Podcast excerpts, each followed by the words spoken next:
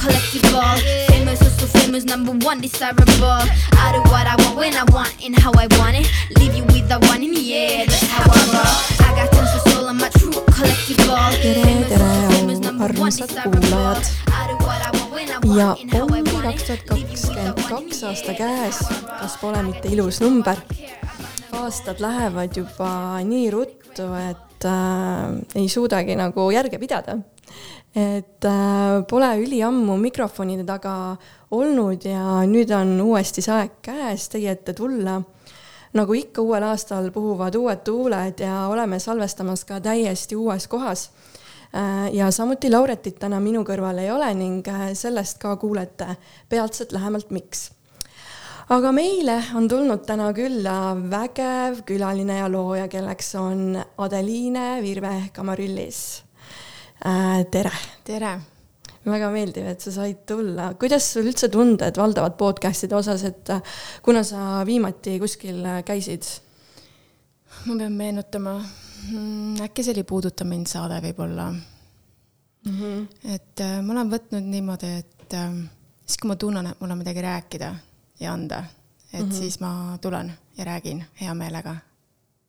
väga vinge, aga ma tutvustan ka siis kuulajatele, kellega nii-öelda tegu on, et mul siin paar lauset äh, kirjas on et ta on mitme lapse ema, ta nimetab end uue ajastu laste emaks, kelle missioon on lastevanemate teadlikkuse tõstmine ning tema peamine soov on tekitada inimestes inspiratsiooni ning ajendada neid liikuma teele, kus lööks särama nende enda unikaalne vaimne võimekus, nende võimed ja potentsiaal. Samuti on ta välja andnud kolm raamatut, Valguslapse esimene, teine osa ja kolmas raamatu äh, nime kannab pealkirjaga Intuitiivsed uue ajastu lapsed need teemad, mida sinuga siin arutada oleks, oleks nagu meeletult. Aga ma tahan, et tõesti, et tänane saade oleks ähm, selline reaalselt, päriselt inimesi igapäevaelus aitav ja teadlikkust avardav, et äh, seega ma arvan, et keskendume täna olulisemaile. Ja, ja esmalt siis saamegi tuttavaks, et ähm, et kuna sa täna siin laste teadlikkuse, teadlikkust äh, laste nii-öelda teadlikkus, teadlikkuskasvatusest äh, räägime, siis kuidas äh, sind üldse nii-öelda kasvatati, kas kasvatati ka samu väärtusi meeles pidades, mida sa oma raamatutes edasi annad või oled ka sina see nii-öelda must lammas, kes nii-öelda suguvõsa mustreid muudab?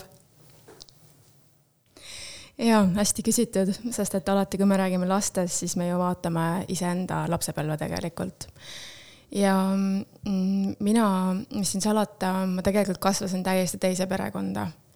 et täna ma tean, et see oli mul hästi teadlik valik. Ja mm, ma sain sellist, ähm, ütleme, et sellist väga ranget ja hästi äärmuslikku kasvatust, aga see õpetas mind äh, väga teadlikult jälgima juba väikese lapsena, mida ma kindlasti ei taha teha tulevikus iseenda lastele et äh, kõik need äh, tegelikult, mida igaüks on ise kogenud, et miks mind ei kuulata või et miks selle väikese inimkeha arvamus nii vähe üldse loeb?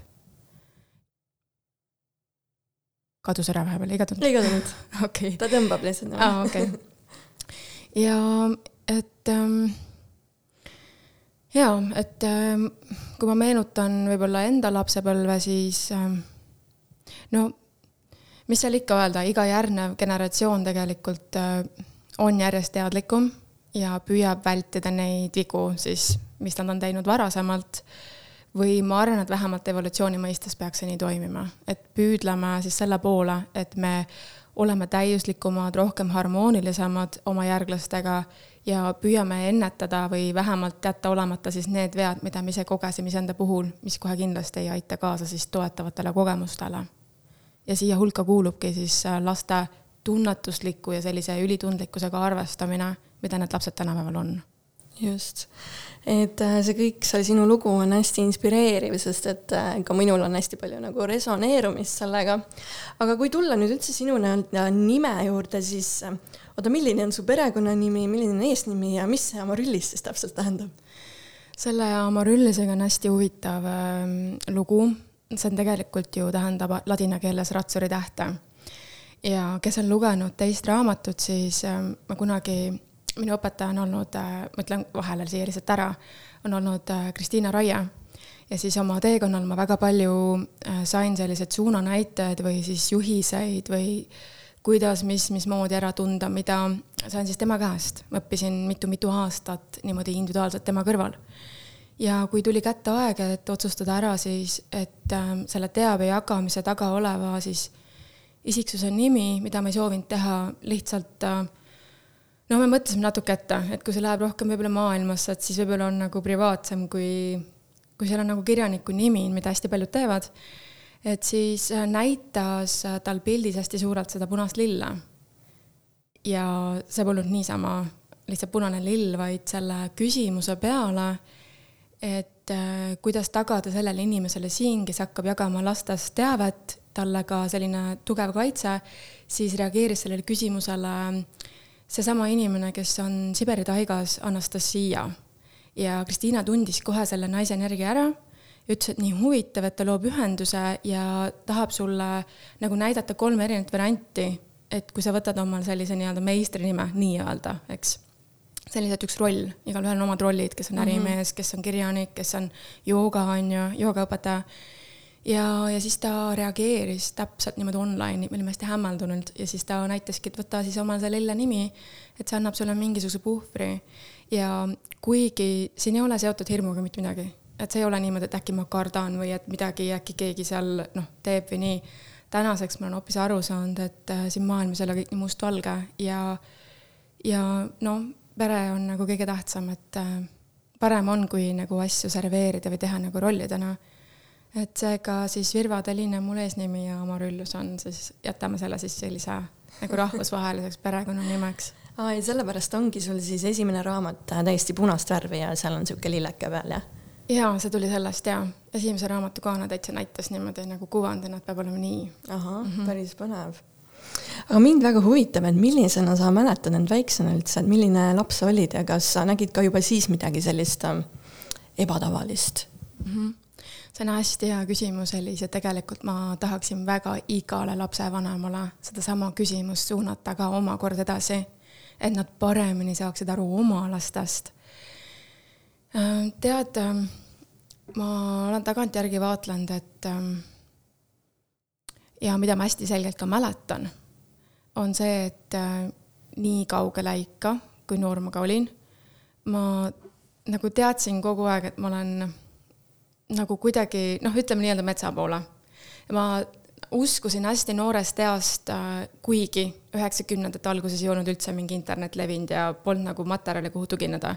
aga ma uskusin kuidagi, ma teadsin, et on mingisugune elu, mis on siit väljapoole maad ja ma olin hästi kurb ja pettunud, kui minu vanemad ei toetanud seda põhimõtet, sest et mu vanemad, eriti isa, oli mul hästi autoriteet.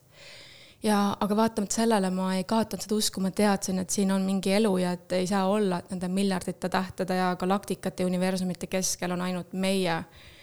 ja mm, ma mäletan isegi episoode, kus äh, tagantjärgi ma isegi ei saa aru, kust see nagu tuli ma võisin pöörduda õhtul näiteks ähm, viie-kuueaastaselt kuskile akna äärde ja siis kõneleda tähtedega ja lihtsalt kutsuda kedagi, et ma tean, et te olete seal, et äh, ärge jätke mind maha, et tulge siia, et see ei ole minu koht, ma tundsin ennast päris võõrana tegelikult, kusjuures, mis on väga tundlik äh, teistmoodi valgusteaduste tunnus, nad tunnevad ennast siin maakeskkonnas hästi võõrana, sest et see on tõesti teistsugune, see ei ole mingi meelakkumise koht, see on täpselt nii on jah, et äh, ka iseendal tulevad need tundmused praegu, kui sa räägid äh, üles, et äh, et hästi võõras on olla ja mingi igatsus kuhugi kuskil mujal on nagu, nagu tahtmine. jaa, see igatsus on ju, see ei kustu mm. -hmm jah, tõesti, nii on jah.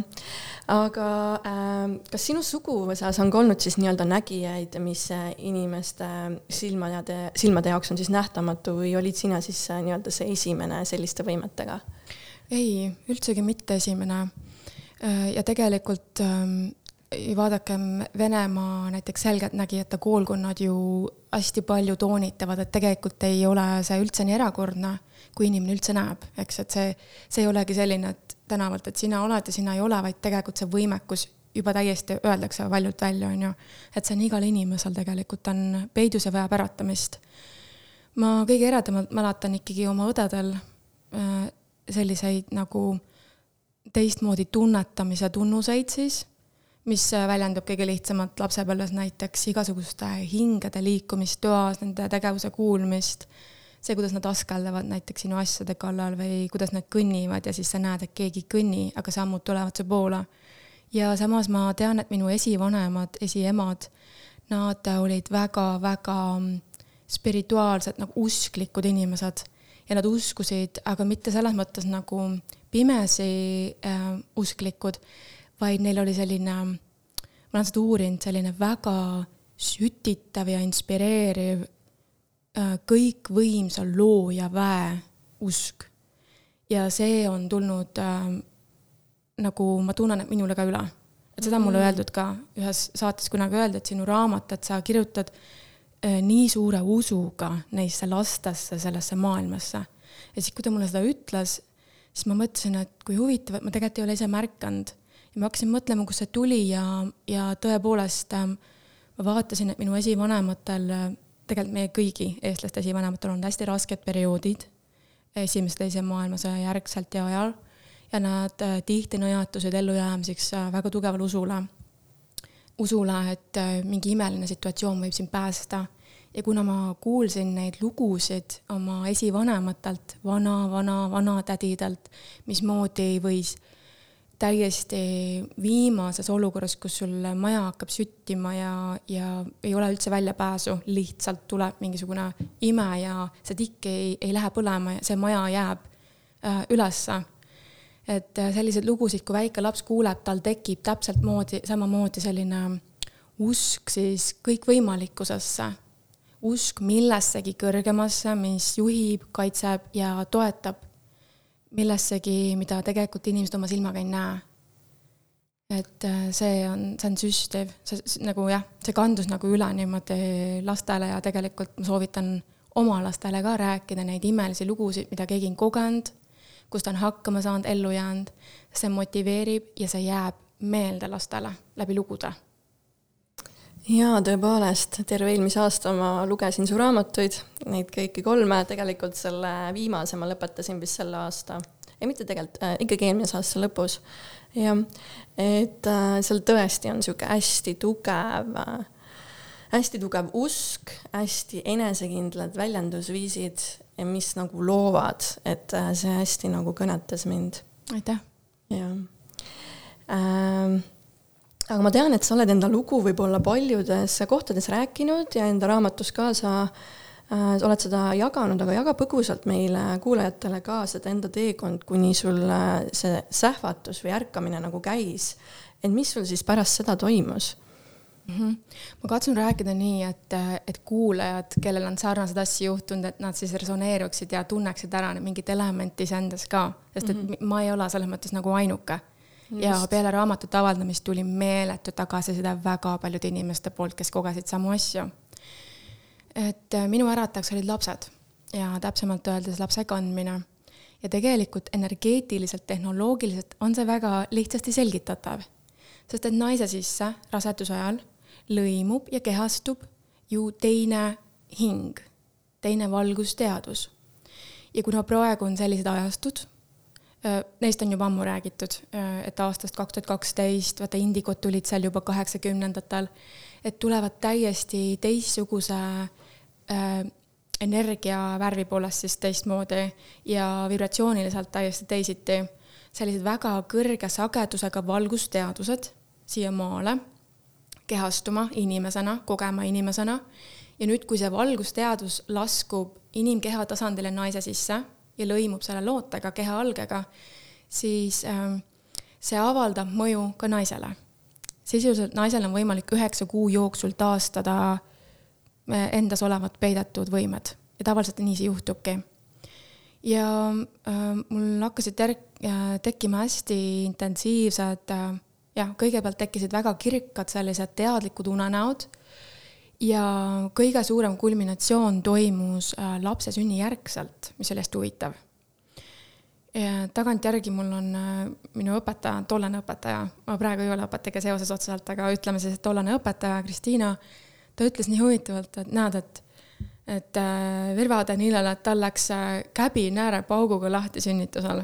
et see noh, toimus, sünnitusel toimub selline hästi suur äh,, tekib selline hästi suur vorteks kanal nagu mitmete dimensioonide vahel mm. ja see energia, hästi massiivne energia, mis sealt siis nagu siia maa tasandile siis nagu integreerub uh,. mul tulid külmavärinad praegu. mul ka et see lõimub, see tuleb nagu läbi inimese pea ja keha ja ta äratab siis need suikunud ajukeskused ja siis tunnetamiseks vajalikud ähm, äh, kehaosad, tasandid ähm, kuni peenenergiakihtideni välja. ehk siis äh, sisuliselt naine võib üleöö muutuda tunnetajaks, mis on väga positiivne. ja mm, läks siis mõnda aega mööda, mul äh, esimese lapse sünnituse järgselt tekkis hästi tugev põletik kehasse ja ma kogesin surmalähedast Äh, situatsiooni veel omakorda, mis viis veel mind siin täiesti teise maailma piirile. ja siis, kui ma veel tagasi tulin, siis oli kogu minu elu muutunud, täiesti muutunud kuni selleni, et ma pidin hakkama tunnistama, et peenmateerias eksisteerivad äh, energeetilised olemusvormid on täiesti meie ümber pidevalt äh, olemas, nad äh, kas mõjutavad meid, suhtlevad meiega, nad eksisteerivad meiega koos et sealt sai siis kogu minu teekond alguse, mida ma hakkasin siis kirjeldama raamatutes jaa, mina tunnen ka siin seda, et kui ma olin väiksem, siis ma tegelikult ikkagi tunnetasin magades ja magama minnes igasuguseid asju, aga mul ikka ka nagu ümberringi keskkond seda nagu ei soosinud ja ja ütlesid, et mida sa siin näed ja mine nüüd magama ja et ei ole siin midagi, onju. et, ähm, et jaa Äh, need täiesti on olemas ja, ja ma vahepeal ise olen ka tunnetanud, ma olen isegi näinud kunagi enda, enda elutoas olen näinud ähm, mingit suitsu, suitsutaolist asja nagu, et niimoodi läheb ära. et mm -hmm. see oli päris huvitav kogemus jaa, äh, uneeelsed seisundid on väga sügavad äh, sellised ähm, nägemise seisundid, need on, see on nagu sild delta tasandi ja siis alfa tasandi vahel ja seal nähtu ongi selline avause nägemise vahemik, kus sa võidki näha väga selgelt ruumis olevaid äh, energiaid.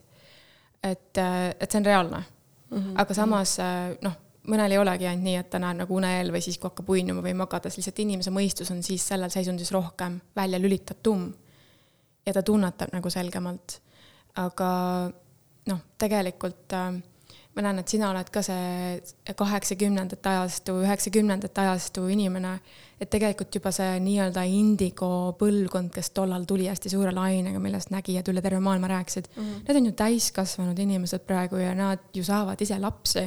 Nad on ise tunnetajad täie au eest ja, ja needsamad valgusteadused lapsed, need suure valguskehaga lapsed, kellest ma räägin, need on ju meie enda järglased tegelikult, lihtsalt on mm -hmm. aeg uus põlvkond tuua nagu ilmale no siin saadetes me oleme ka hästi palju nagu rääkinud sellest, et äh, kui palju on äh, tundlikuid äh, lapsi tekkinud ja kui palju teadlikuid, palju rohkem teadlikumad nad iseendast, iseenda olemusest ja mis neile sobib ja mis ei sobi, see enda kese on hästi tugev tegelikult. et lihtsalt, kui sinna tulla nüüd see toetav koolisüsteem ja toetav keskkond juurde, siis ma isegi ei tea, mis siin saama hakkab mm. -hmm. hästi õige on küll mul on hea meel, et teadlikkus selles valdkonnas on ka tegelikult märkimisväärselt tõusnud mm. -hmm, hakkab tõusma, et seda on tore nagu näha. aga kas sa mäletad siis nii-öelda seda momenti veel või nagu seda perioodi ka enda elust, mis sul eelnev, eelnevalt sinu nii-öelda last kandes oli äh, või nüüd sa ainult tead ja mäletad seda, mis sul praegu on, et kuidas nagu, mis tunne üldse oli, kui ühtäkki kogu su taju ja teadvus nipsust avardus nagu nii palju? Jaa, mäletan ikka, ma olin täiesti teistsugune inimene, ma olin hästi ratsionaalne, väga analüüsiv äh,. Töötasin sellises äh, mm, sellises äh, finantsenergeetika valdkonnas, äh, kus äh, sisetundel polnud mitte mingit kohta nii-öelda õpetatud viisil. täna ma tean, et saab nagu sisetunnet, intuitsiooni igal pool kasutada. aga ma kasutasin seal rohkem sellist mõistuspärast tarkust samas ei saa öelda, mind terve elu tõmbas sellise spirituaalse poole.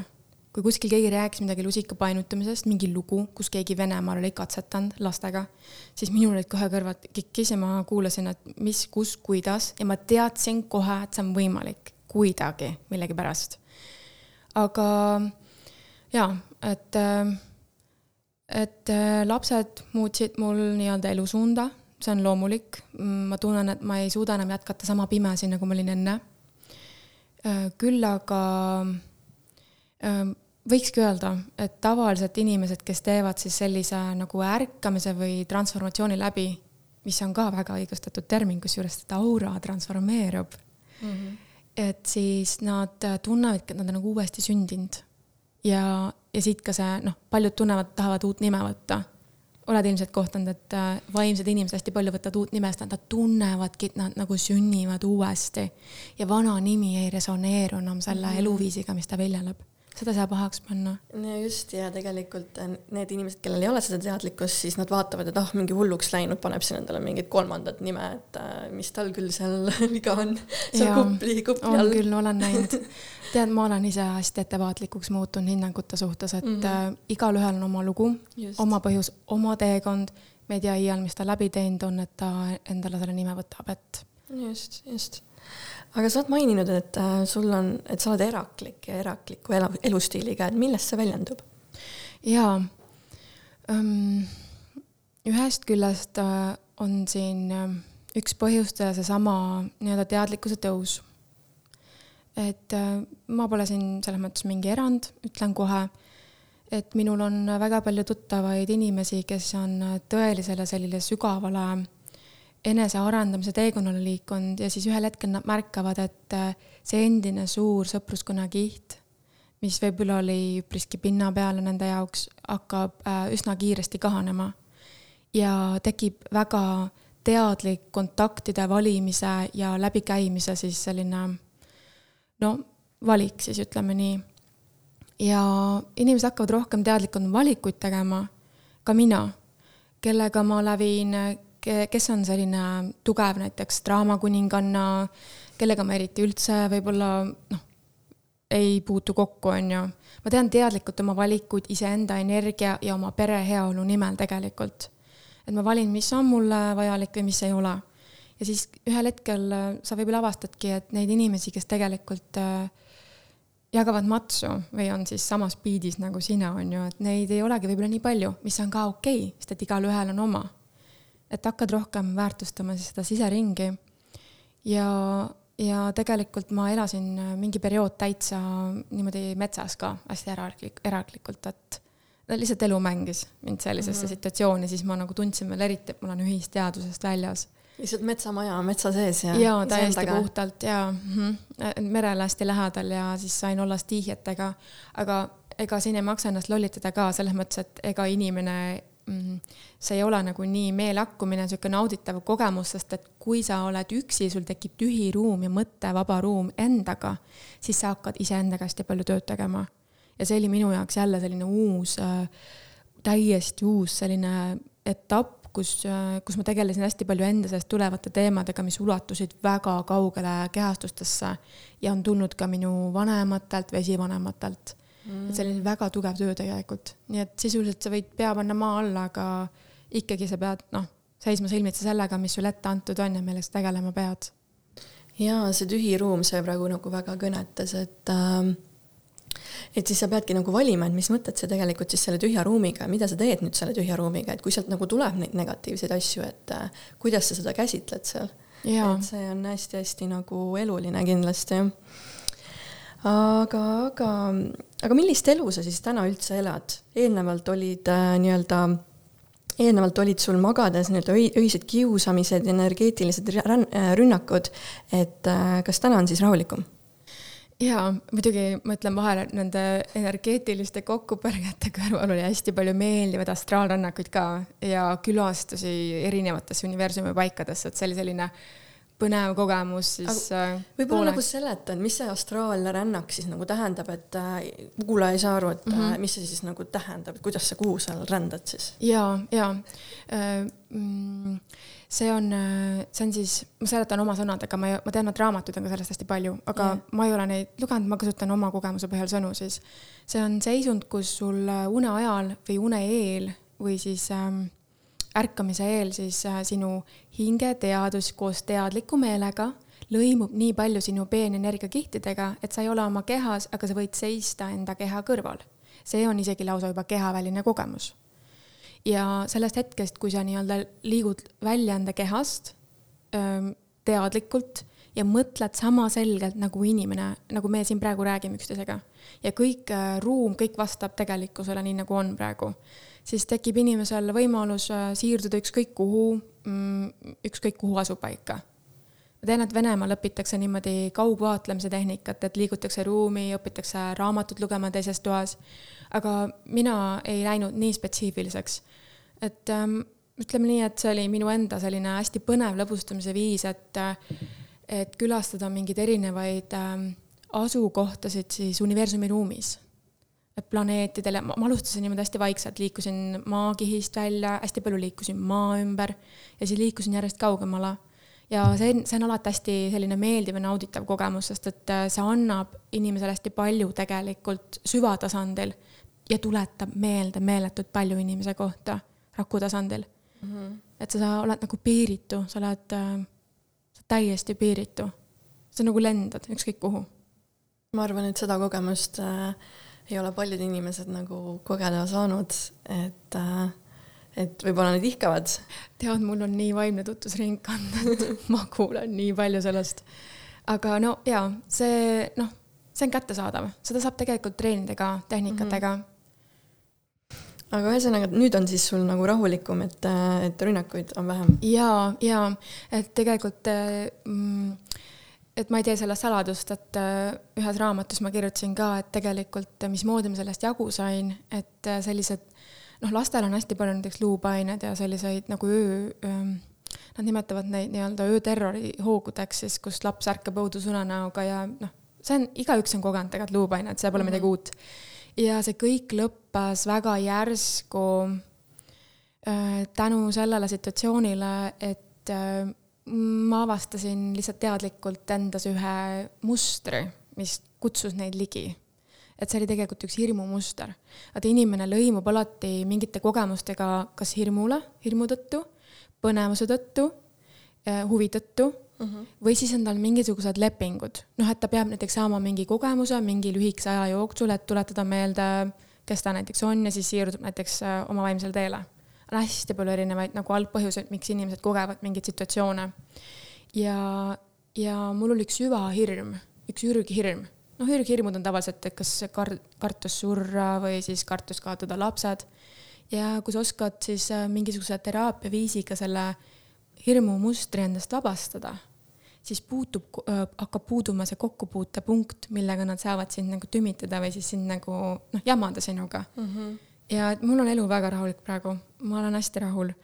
et ma keskendun lastele, nad on mul kõik hästi väiksed, et elan sellist mõne inimese jaoks võib-olla igavat tavapärast elu um aga kuidas sina enda potentsiaali ja võimekust avardad, et äh, äkki annad mõne näpunäite meie kuulajatele? et mm -hmm. mis tööd sina nagu enda võimete osas teed igapäevaselt, kui sa teed mm? -hmm. no äh, jaa, ma kohe meenutama pean mõtlema, mis oleks hästi hea neil kohe nagu kasutada siis on ju. võtame siis näiteks need pered, kellel on lapsed, eks mm. -hmm. et äh, mitte selline nagu üksiküritajast, et siis oleks tehnikaid ja harjutusi hästi palju kohe, sellest võiks täitsa eraldi loengu teha okay..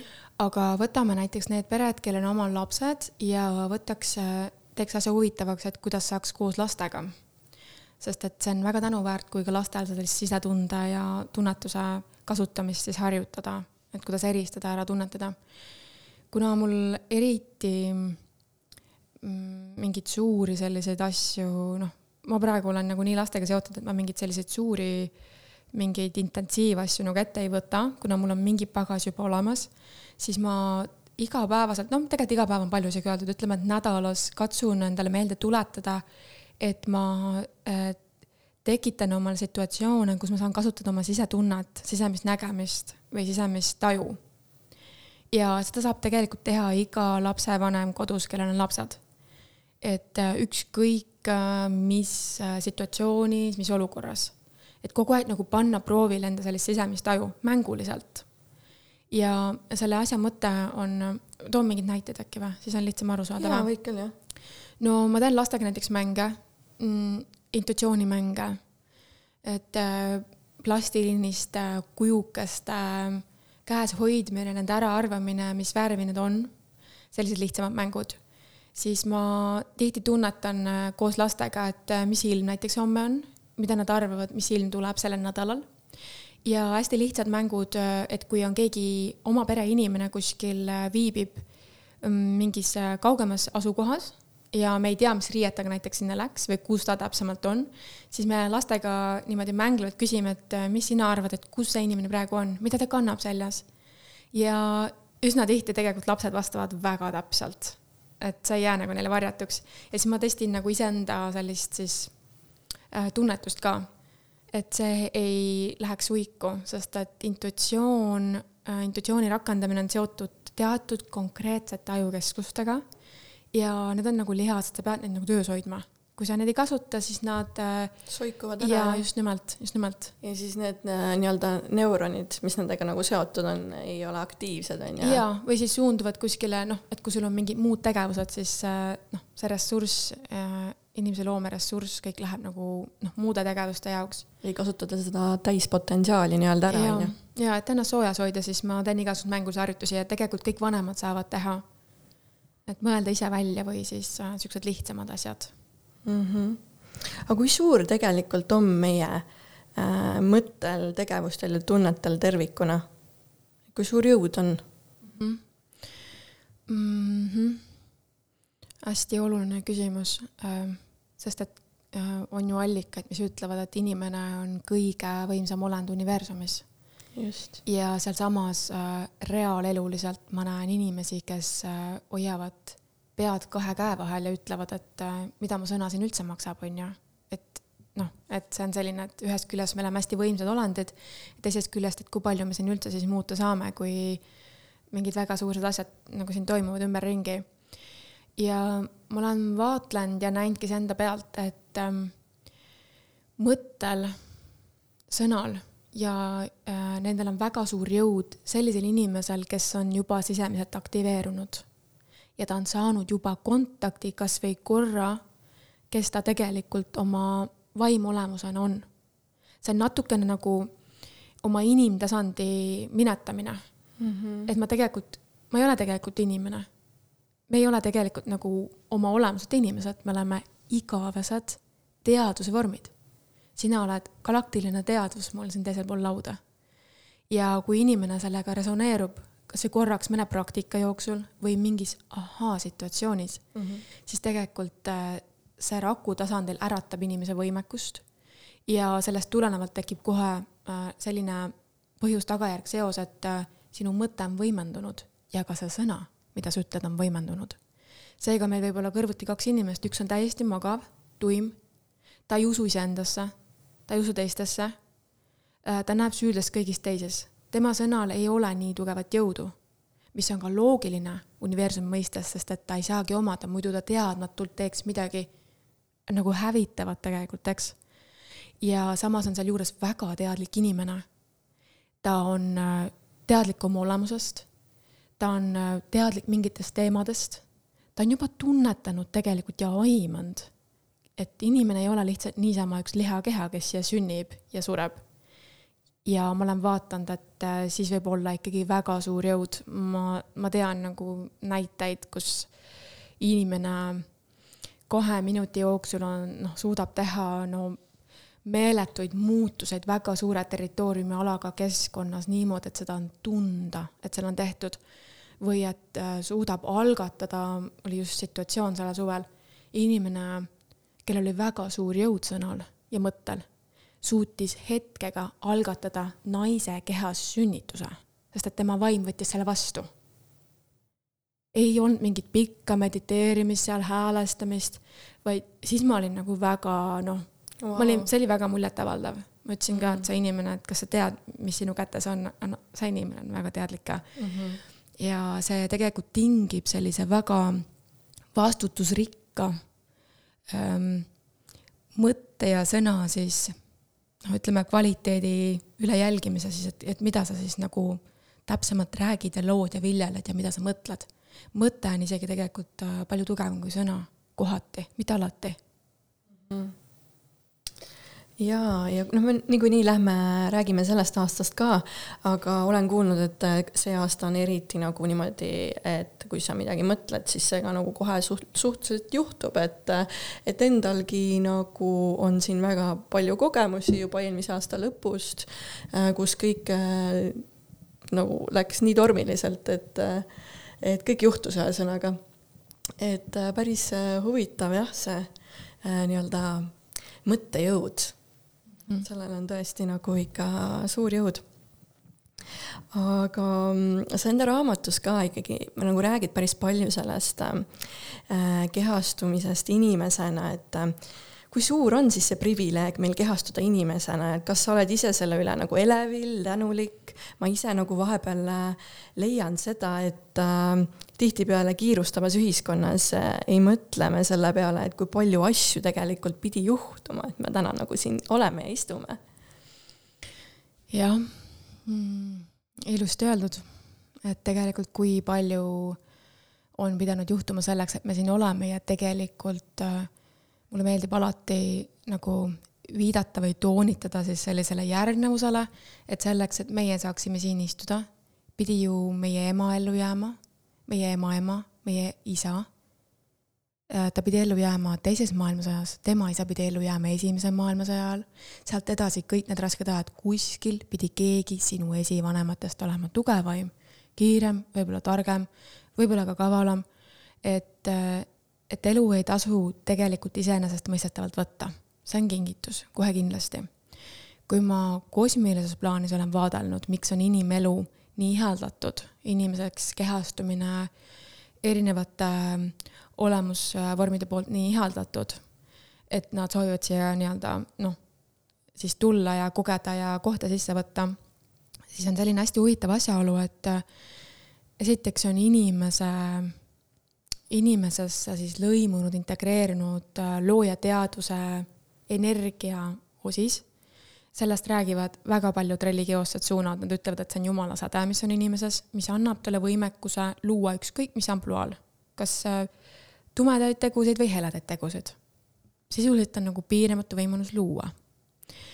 ja teine hästi huvitav asjaolu, mis ma olen vaadanud laias siis kosmilises plaanis, kui nii öelda võib, on see, et ähm, läbi kehastumise, ehk siis kui me tuleme näiteks sealt äh, mingist väga kõrgest, siis äh, ärme nimetuse anna, mis tasandid, tuleme väga kõrgest äh, valgusteaduste tasandist kehastumise kolmandale, mis on väga tihke, siin meil on äh, duaalne äh,, väga ellujäämisele orienteeritud äh, selline maailmasüsteem. ja nüüd me tuleme siia tihkesse kolmandasse materiaalsesse tasandisse, siis läbi selle kehastumise on võimalik tõusta uuesti ja palju kõrgemale, kus sa ise ennem asusid. Ehk siis ma ei tea, kas sa saad mõttest aru, et meil on võimalik tegelikult teha üks ülestõusu transformatsioon läbi kehastuse, sest kehastus, kehastumine, elamine toimib kui lunastamine. see on nii huvitav wow,. öeldud. ja ma tean täna täiesti selgelt inimesi, kes on oma teadlikkuse astmel sellisel tasandil et ta vaatab mulle otsa ja ütleb, et ma tean, et ma olen teisest universumist. Äh, ma tulin siia oma viimast elu elama ja ma tulin kokku lõimuma kogu oma hingeteadusega, et siit nüüd lahkuda. ja et ühineda selle lättega, kus ma tegelikult olen. et ta on vahepeal kuskil nagu olnud mingitel muudel tasanditel, nüüd ta kehastus ja läbi kõikvõimaliku multidimensia-, multidimensionaalse inimolemuse siis äh, vormi on tal võimalik tõusta veel kõrgemale et see loomise platvorm on lõputute variatsioonidega. Et meil on võimalik äh, nii-öelda hästi kaugele ja kõrgele avarduda, aga see kauge ja kõrge on natukene isegi liiga kitsas äh, sõna selle inimese mõistuse jaoks, ma arvan. aga sa mainisid ühilduda kõigi hinge nii-öelda osadega. kas me oleme siis nagu laiali natukene? mitte natukene, vaid äh, kaasaegne inimene, kes hästi palju kiirustab ja kes ole hetkes, on päris palju laiali ja eriti emotsioneerivad inimesed. Ja ütleme, mm, minu arust David Icke vist ütles ka seda päris hästi, et äh, kui inimene sünnib, siis tal on, äh, kes on, navatleb peenmateeriat, ta näeb väga hästi inimese ümber olevaid kihte. et kui laps sünnib, tal on äh, väga paks, kohev, selline ähm, pehme valguskiht ümberringi, ükskõik mis värvi see on, sõltuvalt sellest, mis, mis nagu, kes ta oma olemuselt on, eks ole. ja selleks on vaja ainult kaksteist kuni neliteist aastat, et ta ümber oleks kõigest mõne sentimeetrine kiht alles jäänud. ja kui me mõtleme enda nagu teismeliste peale, kes meil siin Eestis on ja üldse üle maailma, siis nad on tihti, nad on äh, imelised tunnetajad küll, aga nad on tihti sellised nagu no hästi palju on meil näiteks depressiooni Eestis on ju, eriti noorte seas. Nad on kaotanud äh, jah, ka ise, ise siin äh, läbi elanud no vot, on ju, see, see pole lihtsalt mingisugune moehaigus, see on selline sügav seisund inimese jaoks, mis väärab tema jaoks äh, väga palju. ja, ja üks põhjustest, miks, miks nad sellisesse seisundisse jõuavadki, et tasub alati küsida, et kuidas ta elanud on, kuidas teda on suunatud elama, mida ta viljelenud on ja kuhu on laiali paiskunud tema energia. Ja selline puhas väärtuslik hingeenergia, seda läheb hästi paljude situatsioonidega ära, tülid, konfliktid äh,, lähisuhted ja noh, isegi vahest, kui me vaatame kellegi teise draamat ja me elame hästi kaasa sellele, siis inimene kaastundega võib sinna noh, oma osa nagu saata ja mida rohkem me siis nii-öelda nüüd tervendame ennast ja teeme endaga tööd, siis seda rohkem me tuleme nagu kokku tagasi ja. täpselt, täpselt mm -hmm. ja ma tean imelisi lugusid, kus inimene on äh, väga suures hulgas saanud oma energiakihid korda, ütleme siis nii, no nimetame seda tervendamiseks mm, -hmm. tervenemiseks. ja taju ka muutub muideks, see nägemine mm, -hmm. tuleb tagasi selline nagu no ütleme, peenmateeria nägemine siis tavakujul öelduna. aga kas äh, emotsionaalsed inimesed siis äh, on äh, nagu rohkem laiali. sa mainisid, et kas, no ei tohiks siis nagu enda emotsioone nagu tunda või?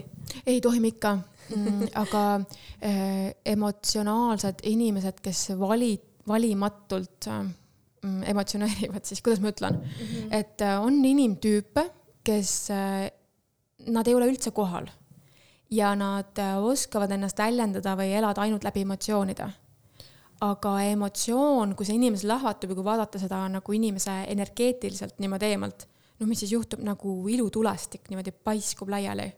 ja nüüd on küsimus, et kas ta pärast maandab ennast ja toob ennast noh, tagasi tsentrisse või ta jääb mõtlema näiteks päevadeks ja päevadeks, mõni jääb isegi aastateks kinni mingi katkise kogemuse pärast. see tähendab seda, et kui see tuleb meelde, siis on tema energia veel seal kinni leinad, ükskõik, ükskõik, mis on olnud lahkuminekud, mingid pettesaamised, need hoiavad hästi tugevalt inimese energiat kinni. et ähm, kuidas ma siis ütlen, et me peaksime siis teadlikult siiski jälgima, kuhu me kuidas võib-olla, me võib-olla nagu, nagu teadlikult valima oma, et me, millist emotsiooni või nagu, kus me oma emotsiooni nii-öelda läbi elame ja, ja seda nagu teadlikult mitte teist kahjustades ja võib-olla mitte nagu enda automaatreaktsioonide pealt kohe nagu minna, onju. ja, ja, ja automaatreaktsioonide jälgimine on hästi hea termin mm. -hmm. et soovitan väga inimesel teha näiteks ühe päeva jooksul lihtsalt katset endaga, kui kiiresti sa reageerid, millele sa reageerid hästi impulsiivselt ja mõtlematult ja kelle peale. -hmm. ja tavaliselt see ongi see, et kõhupiirkonnas sihuke ürgne, ürgne kohe tuleb sealt see reageering, vähemalt mul on olnud. ja hästi paljud jah, kirjeldavad kas kõhupiirkonda või siis isegi päikesepõimike süda ka mm, -hmm. aga ikkagi see on keskus, millele sa praegu näitasid, see on inimese keskme, keskmine osa. jah aga lähme siis äh, uue teema juurde, milleks on tulevikugeneratsioon ja sa oled maininud, et sa oled visuaalselt näinud meie tulevikku ette ja kas sellest siis puudub nii-öelda ellujäämistasand, mis praegu on ju väga aktiivne? jaa mm, -hmm. sa mõtled need kogemused, mis ma raamatus rääkisin, eks, need väga kauged äh, seitsesada ja, ja tuhat ja sealt edasi, need äh, visuaalpildid. Neis tõesti puudub ellujäämistasand. vot see on hästi kindel, et kui vaadelda väga kauget tulevikku, noh, mis ta nii kauge ikka on, eks me oleme väga suure maa ära teinud mm. -hmm. et nüüd paar tuhat aastat siia-sinna, et eh, inimestel äh,, nad muutuvad nii teadlikuks, et äh, nad saavad aru, et sellisel viisil elamine, nagu praegu on, et äh, noh, küllaltki on ju üksteiselt vaiba alt ära tõmbamist ja läbi kannatuse ja valu õppimist läbi hirmu õppimist, et õpitakse siis, kui haiget saadakse, tehakse korrektsiooni eluviisis oma tervise suhtes või olemise suhtes alles siis, kui on nagu viimane piir käes ja keha sulle annab märku, et see kõik äh, kaob ära. me kasvame sellest välja, see on nagu inimevolutsioon. ja samas äh, jaa, ja toimub selline, ma olen näinud hästi kauneid äh, looduskeskkondade ja siis ähm, ma ei saa öelda nagu linnastumine, vaid selline nagu integreeritud elamise viis. aga nüüd siin on üks aga, et see, see on selline kaugem pilt, mida meie silmad ei näe. aga et sinna jõuda, siis teeb inimkond läbi päris kõvad trepiastmed. ja, ja noh, kui ma räägin, et äh, kuhu on näha, et liigub inimkond, siis vähemalt mingi periood hakatakse elama niimoodi, seda ei ütle ainult mina, seda ei ole ainult mina vaatlenud, ma tean, et Venemaal ka on suured nägijad, kes panevad juba Youtube'i kanalid ülesse. Nad äh, kirjeldavad samasuguseid pilte, et toimub nagu selline 2D lahknemine ja esmakordselt äh, väidetavalt esmakordselt äh, siin aegruumis hakkab inimene elama kahel viisil, vähemalt kahel viisil. üks on siis äh, jätkumine sellisel viisil, nagu on meil linnades et äh, need on inimesed, kes äh, ei taha lahti lasta või, või noh, leiavad, et see on okei okay nende jaoks, kuidas nad nagu elavad praegu.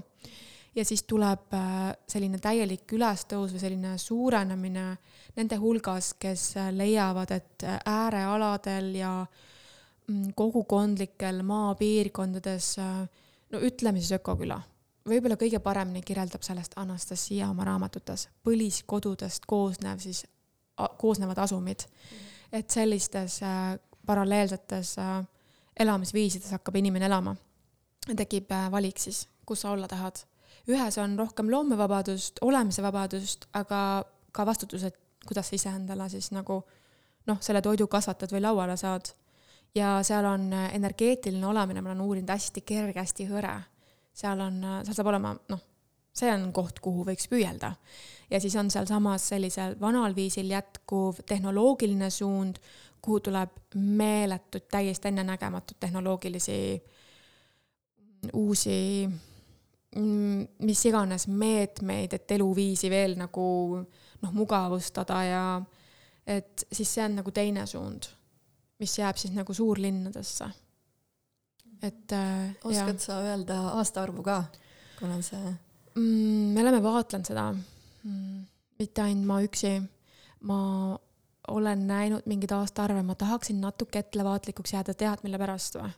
sest et need asjad, mis pidid tulema kaks tuhat kolmkümmend kaks, mhm. on juba millegipärast siinkohas hetkel nagu, et, et aeg on nagu kuidagi nii, aeg on üldse, ajamõõde on hästi suhteline ja ähm, noh, universumi mõistes on ju, ja siis ähm, ta on kuidagi paindlik, et need sündmused, mida oli näha väga kauges tulevikus, on mingitel põhjustel tulnud väga lähitulevikku. et kuidagi kas inimeste üldine häälestus ise nõuab seda, ma aiman, et see on kuidagi seotud selle inim, selle praeguse inimliigi nagu ühisteaduses olevate püüdlustega või isegi selliste nagu hüüetega. et me soovime, me tahame, et nüüd on meil õigus ja me tahame ja no tegelikult on ju praegu veeval ajastu on äh, intuitsiooni ajastu on ju, see on ülemineku ajastu, et äh, kümne kuni kaheteist tuhande aasta tagant on meil selline tsükkel, nagu praegu on, mis pakub hästi suurt äh, võimalust tegelikult kosmiliselt ja galaktiliselt. ja mulle näib, et need, see väga suur hulk teadlikke inimesi siin, kes meil ka on olemas, kuidagi nagu loovad selle häälestusega sellist võimalust, et, et lihtsalt tulevad mingid äh, sündmused, mis on tulevikus palju kiiremini lähemale, mis tegelikult toob meile ju ka selle järgneva nii-öelda noh, uuenenud eluviisi meile lähemale, eks mm. -hmm, et see on mhm. selline hästi huvitav. jaa, väga lahe. kindlasti puudutame seda kogukonna teemat ka. me maini-, mainisid ennem hirmu, et äh, kas siis tulevikus ka nagu hirmutasand kaob täielikult, et äh, praegu on ikkagi ju mõnda aega hirmutasand meil tugevalt aktiveerunud et kuidas äh, me saaksime siis äh, hirmudega tegeleda ja keha rahustada? et see hirm, hirmuenergia, hirmuenergia kaudu siis juhtimine või soovitud suundade juhtimine, inimmasside soovitud tulemuste saamine läbi hirmu. meie silmad seda kahjuks veel ei näe, et see, see ei ole nagu nii lähitulevik aga samas, kui me räägime neist kaugematest tulevikuvisioonidest, kusjuures need inimesed sealt ise on nagu loonud kontakti öö, ütleme, teadlikuma inimestega siin. ja nad on näidanud seda tulevikku, see on hästi huvitav. et umbes nagu pidage vastu või et saage hakkama, et, et tulevik on parem. et siis äh, sealt ruumist vaadelduna see uus maailm, seal tõesti puudub sellisel viisil hirm. hirm on tegelikult inimolendile võõras kosmiliselt on ilm võõras, see on meile õpetatud, see on nii huvitav, eks see on mm -hmm. hästi sügav teadmine, sellest on tihti raske aru saada, sest et hirm on ju nii loomulik, meid on ju õpetatud äh, lapsest saadik hirmu tundma äh,, hirmu ajendil äh, teostama paremini eksami tulemusi, on ju, kartuses ühte koma teist. kas ta ei ole nagu üks ego osa ka nagu, et ego ongi nagu meile tegelikult ju siia inimesena nii-öelda osana pandud?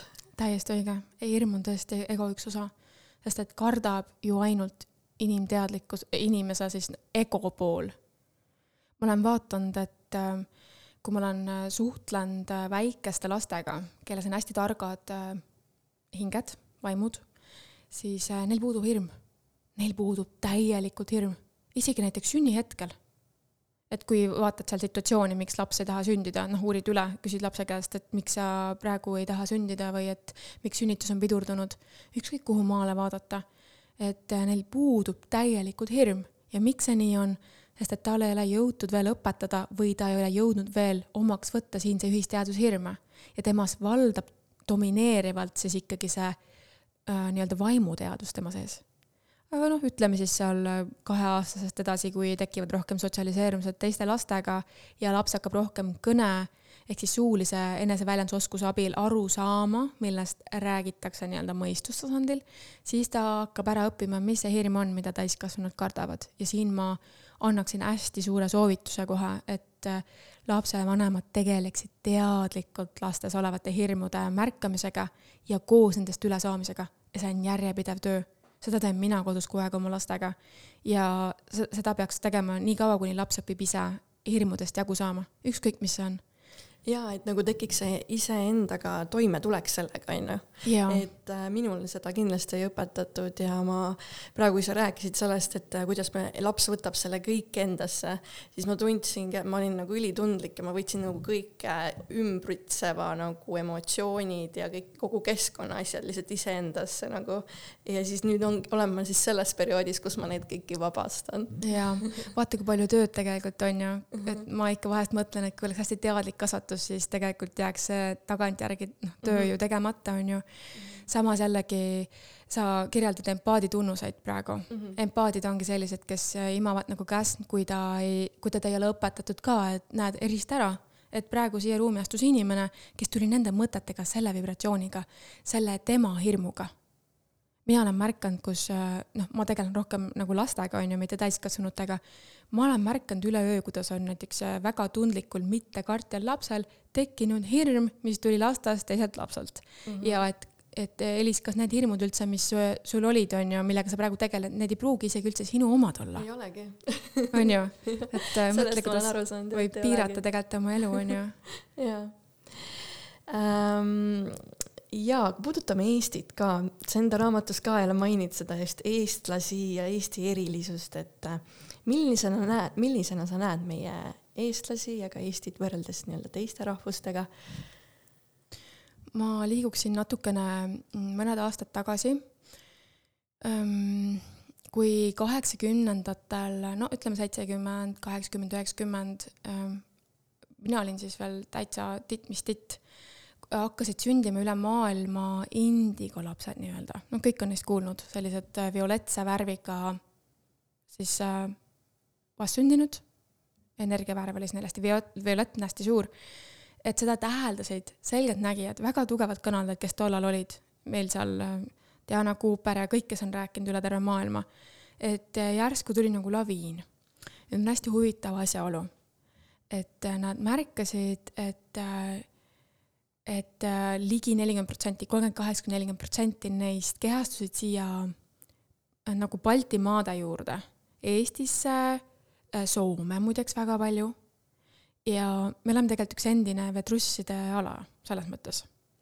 ja Venemaale niimoodi hajusalt, aga et see Baltimaade, noh, me oleme nii väike riik, me saime hästi suure kontsentratsiooni osaliseks ja ülejäänud kuuskümmend protsenti läksid siis üle terve Ameerika. et äh, mina olen siinkohal see inimene, kes äh, vaidleb vastu neile, kes ütlevad, et kõikjal maailmas sünnivad kristallid ja vikerkaared. tegelikult see nii ei ole. Me oleme seda vaadanud äh, teiste, teiste tugevate nägijatega ka. Neile lastele loeb väga keskkond. Nad ausalt, nad, nad nagu, no näiteks nad vaatlevad seal neid sõjakoldeid, neid väga äärmuslikke selliseid ähm, nagu noh, nagu on need äh, Kõrgõzstanid ja vaata kõik need riigid, kus on väga selline veel täiesti teisel tasandil äh, see elamise, olemise viis. sinna millegipärast ei ole nii suurt tungi, sest et tõenäoliselt nad ei saaks seal väga palju luua. on üksikuid, ma olen vaatlenud, kes on jõudnud meediasse nendest riikidest, Süüriast või, või kuskil niimoodi. aga see laviin tuli nagu sellistesse heaoluriikidesse, kus inimesed, mis nad teevad? kui neil elu hästi, toit on laual, rahu on majas Nad hakkavad ju mediteerima, praktiseerima, tegelema enda selle vaimse hingelise poolega. Nad hakkavad, noh, teraapiate abil ennast tervendama, mis on loogiline. jaa, sest et äh, see on ju, inimene muutub teadlikumaks ja sinna perre nad kohe sünnivad, need ülitunnikud lapsed, ma räägin mm -hmm.. noh, lapsi sünnib igasuguseid läbisegi praegu ka. ja tõesti jah, märgati, et niimoodi Soome ja Eestisse siis tuli niimoodi nelikümmend protsenti, mis on tegelikult väga suur noh, maht.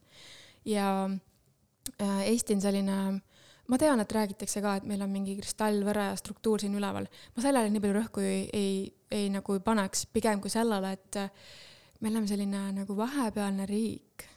Et ähm, tead, see on hästi pikk teema, mis mustrid meil siin on ja kuidas siis, no on öeldud, et Eesti on nagu maailma käbinääre ja see on täiesti tõsi. et kui meie siin kollektiivse ühisteadusega midagi ette võtame, siis see mõjutab globaalsel skaalal väga paljuste rahvaste olemist see on nii huvitav, Eestis tasus, tasuks täiesti pikemalt rääkida. Et ja jällegi ma nagu natuke tõmbaks selle piiri niimoodi üles sinna Soome peale ja natuke alla, mitte väga kõik Baltimaad, ja siis veidi niimoodi Venemaa serva ka. et kuidagi, kuidagi see Maarjamaa on jaa, energeetiliselt nagu soositud. et, ähm, et ma, ma ei välista, jaa, on küll, on küll täiesti. Äh, Euroopa äh, Euroopas olevad nagu väga kõrgetel positsioonidel olevad inimesed on hästi teadlikud sellest. et noh, me ei ole tegelikult üldse nii märkamata, see, niisugused asjad ei jää märkamata, kui äkki mingisugune energeetiline tasand kuskil tõuseb väga palju. et äh, aga jällegi, vaata, ma ei välista nagu teisi kõrgete sagedustega koldeid äh, kuskil mujal maailmas ka, on ju. lihtsalt meil on siin jah, oli selline spurt, järelikult me leppisime, noh, nii-öelda tõususpurt, järelikult me leppisime midagi kokku, ma arvan, seal hingede elude vahelises elus noh, naljaga ütlen pooleks, on ju, teeme mingit eksperimenti, ärkama ähm,.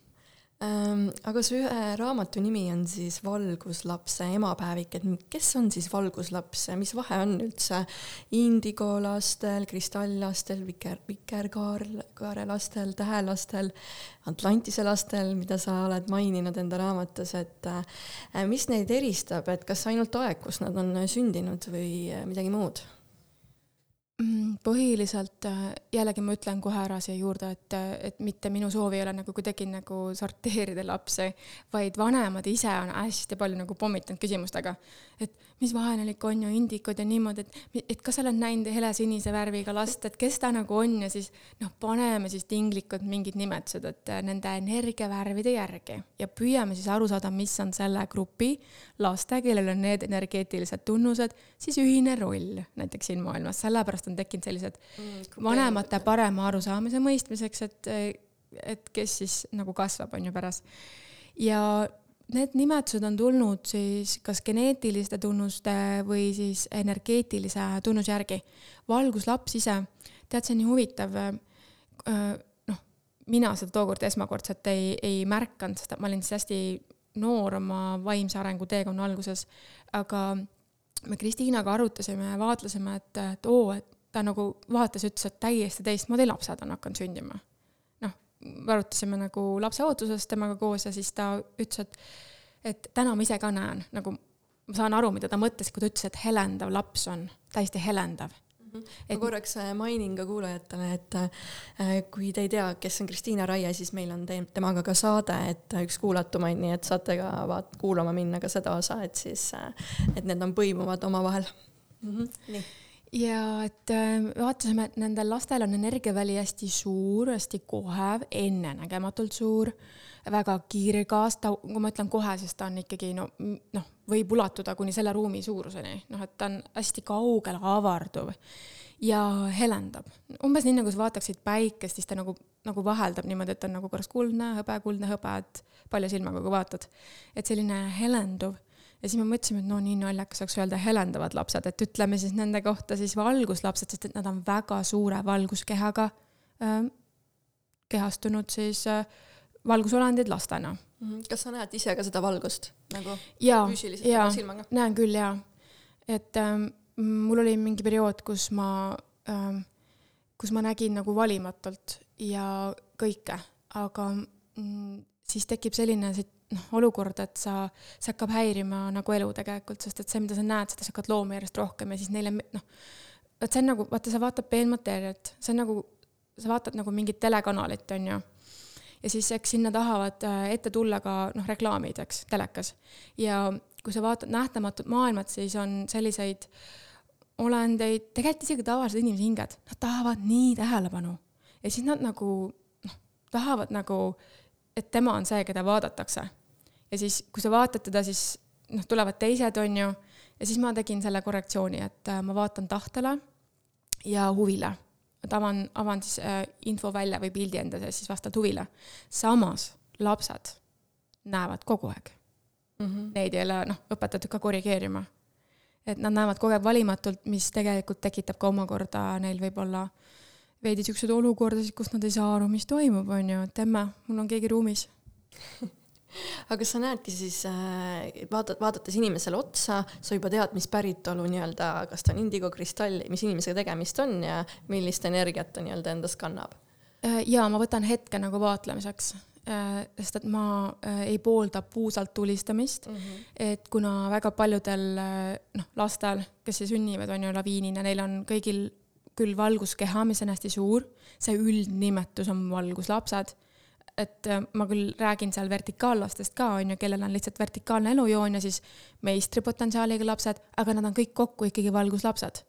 samas, ähm, et mitte puusalt tulistada ja midagi üldistada, mis mulle üldse ei meeldi tegelikult, äh, siis selleks tuleks võtta nagu hetk ja tutvuda selle inimese teadvusega, kes ta tegelikult on. et üks asi on see suur energeetiline äh, valguskeha, mis on ümber, okei okay ta on väga kõrgest sagedusest, äh, ta ei ole ilmselt väga kaua kehastunud siia, üle kümnete tuhandete aastate ei ole kehastunud inimesena. kas ta üldse on kehastunud inimesena ennem? kust ta tulnud on? kas ta on üldse siit universumist? nii, ja siis ma nagu eelistaks nagu ikkagi noh, niimoodi Kuidas... normaalselt luua kontakte ja küsidagi, et kes sa oled, mis on sinu roll, kas sa tulid vaatlema, kas sa üldse ise tahad lapsi siin saada ja vahest küsin, et kus sa noh, miks sa omal näiteks need vanemad valisid, on ju, et et ma olen läinud seda teed, et ma tean, et paljud, paljud nii-öelda nägijad või kanaldajad, nad natuke tihti armastavad sellist nagu puusapealt ütlemist.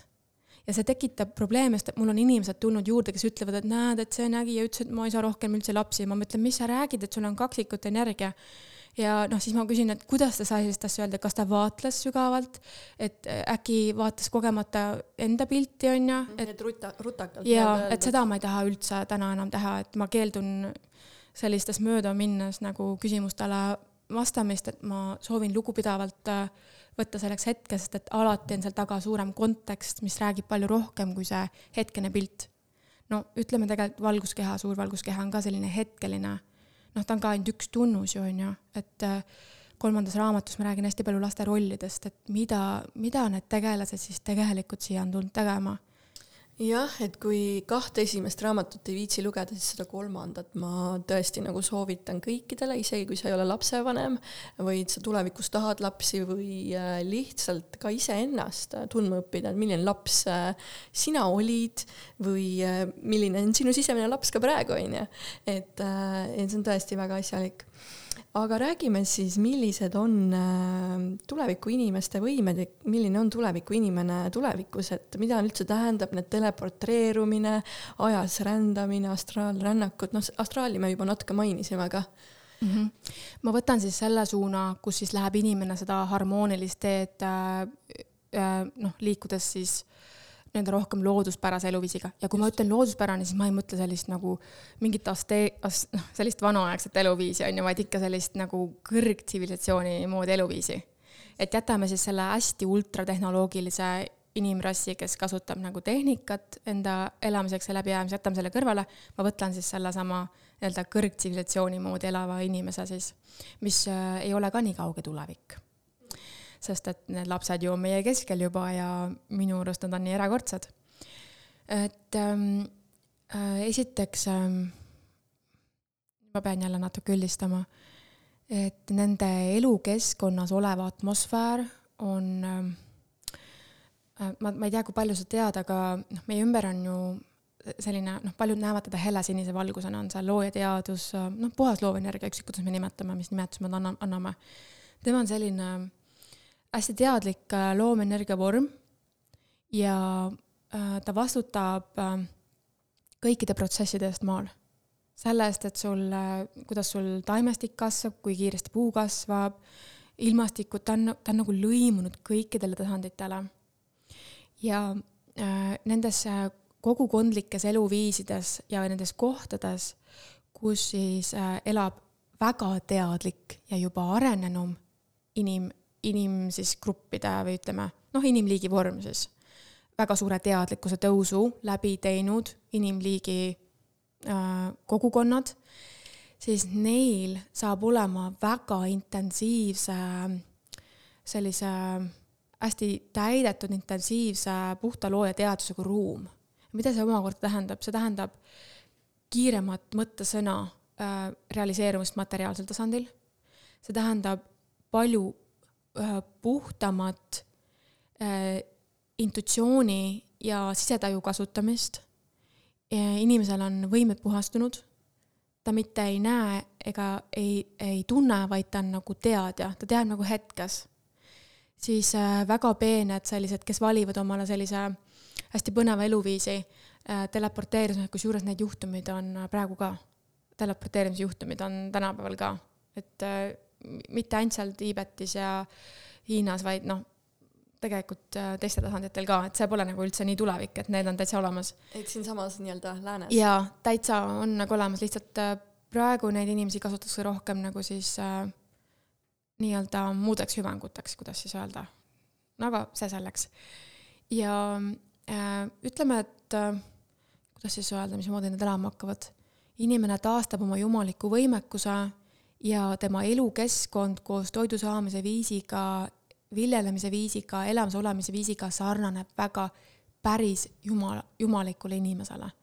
ja mul on seda ühe lausega väga keeruline edasi öelda, sest et kui inimene päriselt teaks või näeks näiteks videolindil, milline on olnud kunagi algallikate inimene, kui võimekas, kui suur looja ja kui, kui suur siis tegelikult paljud äh, saaksid aru, kui põlvili või kui väikseks on tehtud see inimolend siin praegu.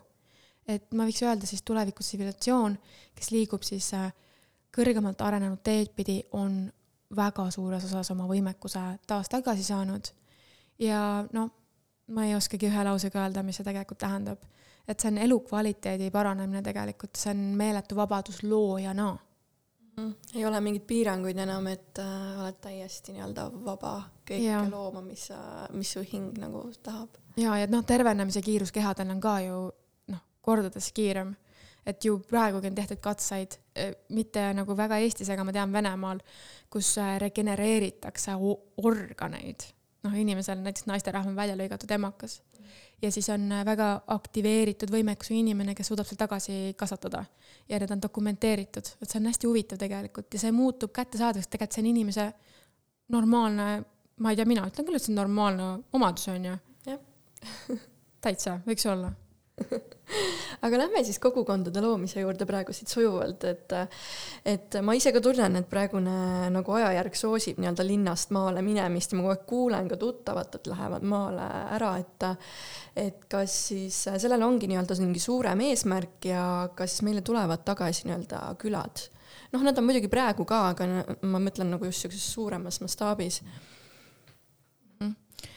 Ma katsun olla hästi aus selles vastuses esiteks on äh, nii huvitav, et ähm, noh, meil siin äh, maal toimuvate sündmuste kulgemist jälgivad erinevad ähm, galaktilised eluvormid, ma ütlen selle välja. ma olen seda tüüpi inimene, et ma ei varja neid asju enam. Nad jälgivad siis, kuidas inim-, inimene siin oma protsessides liigub ja jälgib, et me liiga sõtta ei läheks üksteisega. hästi huvitav on see, et nad äh, seal on igasuguseid tegelasi, aga ütleme siis need, kes seisavad siis inimese säilimise eest. Nad äh, aitavad meil tegelikult mingis mõttes ühe hästi raske üleminekuetapi läbi teha. ja meil on ees teatud sellised äh, lähitulevikus, meie eluajal, sellised keerulisemad ajad. ja ma võiks nimetada seda siis maa puhastumiseks, kõik sellised, noh, see on väga, noh, see on päris keeruline aeg, et äh, kus äh, noh, põuda on ja no kliimaga hakkab mängima, no igast asju tuleb. ja osad inimesed tajuvad selle ära küll, et nad soovivad juba äärealadele liikuda või maal hakata oma nii-öelda põliskodusid siis looma, millest äh, kirjeldab ehedalt Anastasia. aga siin on üks suur-suur äh, nagu reaalne nii-öelda punkt, mida ma sooviks toonitada ükskõik kui palju meid nagu väljaspoolt ei aidata, toetata, elus ei hoida, et jätame nüüd selle tuumasõja ära ja noh, aitame üle jälle inimesi, siis äh, ma olen vaatlenud, et ja nemad ka nagu märkavad, et ikkagi see inimene siin ei oska koostööd teha. tegelikult kõrgemal tasandil nagu päris harmoonilist koostööd ei oska teha. ja see on nüüd üks suur võtmekoht, millest me peaksime kiiremini üle saama. sellepärast, et äh, kogukondade loomine tugineb väga palju koostööoskustel ja endaga teadliku tegelemise tööoskusel. et ma tean, meil on olnud kogukondasid, ma olen uurinud kogukondasid, kuidas nad toimivad meil erinevates maailma asupaikades. ja väga palju saab komistuskiviks neis kogukondades inimeste enda äh, emotsioonid ja kõik see pagas, mis neil on, millega nad toime ei tule ja tagajärjeks on traagilised peresuhted lõhutud äh, olemised. et, äh, et ei ole nagu sellist, et äh, naaber ulatab üle aia käe ja ütleb, et tead, ma aitan sind, et ma võtan sult viis kilo tatart, anna sa mulle, on ju, kolm liitrit piima. et kui ikkagi raskemaks läheb, siis, siis ikkagi kahjuks on tendents see, et naaber sööb naabrist, naabrit ja sellepärast millegipärast praegu ei ole need kogukonna asjad tulnud nii aktiivselt. ja nüüd on küsimus meil nagu inimkonnale esitatud, no ütleme, tinglikult öeldes on esitatud me oleme hästi suure nagu otsustuskoha ees. kas me võtame ennast kokku ja me päriselt hakkame koostööd tegema ja nüüd loome kuskil kogukonnad? või me ootame nende väheke keerulisemate aegadeni, kus on suured majanduslangused, toidukriis tuleb meil, toiduhinnad lähevad hästi kõrgeks, energiakriis on tulemas ja, ja siis nagu läbi valu hakkame siis koostööd tegema. minu arust oleks mõistlik juba seda ennetada ja praegu punuda pesasid ja teha öö, kokkuleppeid ja liite ja neist ka kinni hoida, et saada paremini hakkama siis, kui need ajad on käes mm. -hmm. aga millegipärast nagu ei, ei jõua nagu veel eriti vist inimestele kohale või tuleb alles siis ja ka nagu noh, tegelikult ju räägitakse neist asjadest nii palju, mis meil ees on. aga ei ole seda nagu massiivset jõudu veel inimestel taga ja kui ma vaatan üksikisiku tasandil, siis mul on Elis väga paljud pöördunud ja öelnud, et nii, et kus on, et teeme nüüd selle Edeni kooli ära ja et millal on juba kogukond ja ja siis ma lähen vaatan, mis saab nende takistusteks. Ja nad tulevad kõik hästi suure hooga, aga nad nagu pidurduvad iseenda nagu pereprobleemide sellistes raskustes. ei suguvõsa mingid mustrid. jaa, täpselt, et on nagu palju taaka, millega nad ise nagu tegelevad, et. et ma näengi, et äh, see kogu äh, jutt, mis sa räägid, see nagu põhi, nagu lõpuks nagu kulmineerub ikka sinna, et äh, tegele iseendaga, tee iseendaga tööd, nagu lahenda oma perekonnamustrid ära sa üheks tervikuks ja siis sa võid minna kogukonda ja siis te saate ühtse kogukonnana nagu toimida. et võib-olla, miks me takerdumegi praegu, miks ei ole neid kogukondasid väga nagu, nagu suures mastaabis loodud, ongi see, et inimesed on veel mingis mõttes nagu katki, ma võin ise ka öelda, võib-olla ma olen ka mingil määral, on ju, et äh, et tulebki lihtsalt äh, veel endaga äh, sügavalt teha tööd ja võib-olla me jõuame siis sinna suuremasse koostöö loomisse mm. -hmm. hästi ilusti öeldud, hästi kokkuvõtvalt, et ole ise terve. ütleme siis, oleme normaalsed inimesed, saame terveks, on ju, teeme ennast terveks. kust on meil katki, mis meil muret teeb, mis meid häirib, mis on, mis on elus, mis vajab nagu noh, tuge, on ju. oleme tsentris tervikud ja siis otsime endale samamoodi terveid tsentris olevaid inimesi, noh, keskmes, enda keskmes olevaid inimesi juurde ja siis tuleb üks tugev kogukond, mitte selline, kes kisub üksteise välja haavasid mm. -hmm. et ja. üks konstellöör ütles hästi, et, ähm, et äh, en-, nagu meie vanemad tegelesid nii-öelda ellujäämistasandiga, siis meie peame tegelema emotsionaalse tasandiga. et me peame sellega tööd tegema ja tuleviku inimesed siis äh, üldse äh, avardavad oma võimeid ja küsivad järgmiselt äh, sellelt põlvkonnalt, et miks sa nagu, kuidas sa ei näe neid energiaid või kuidas sa seda värvi ei näe.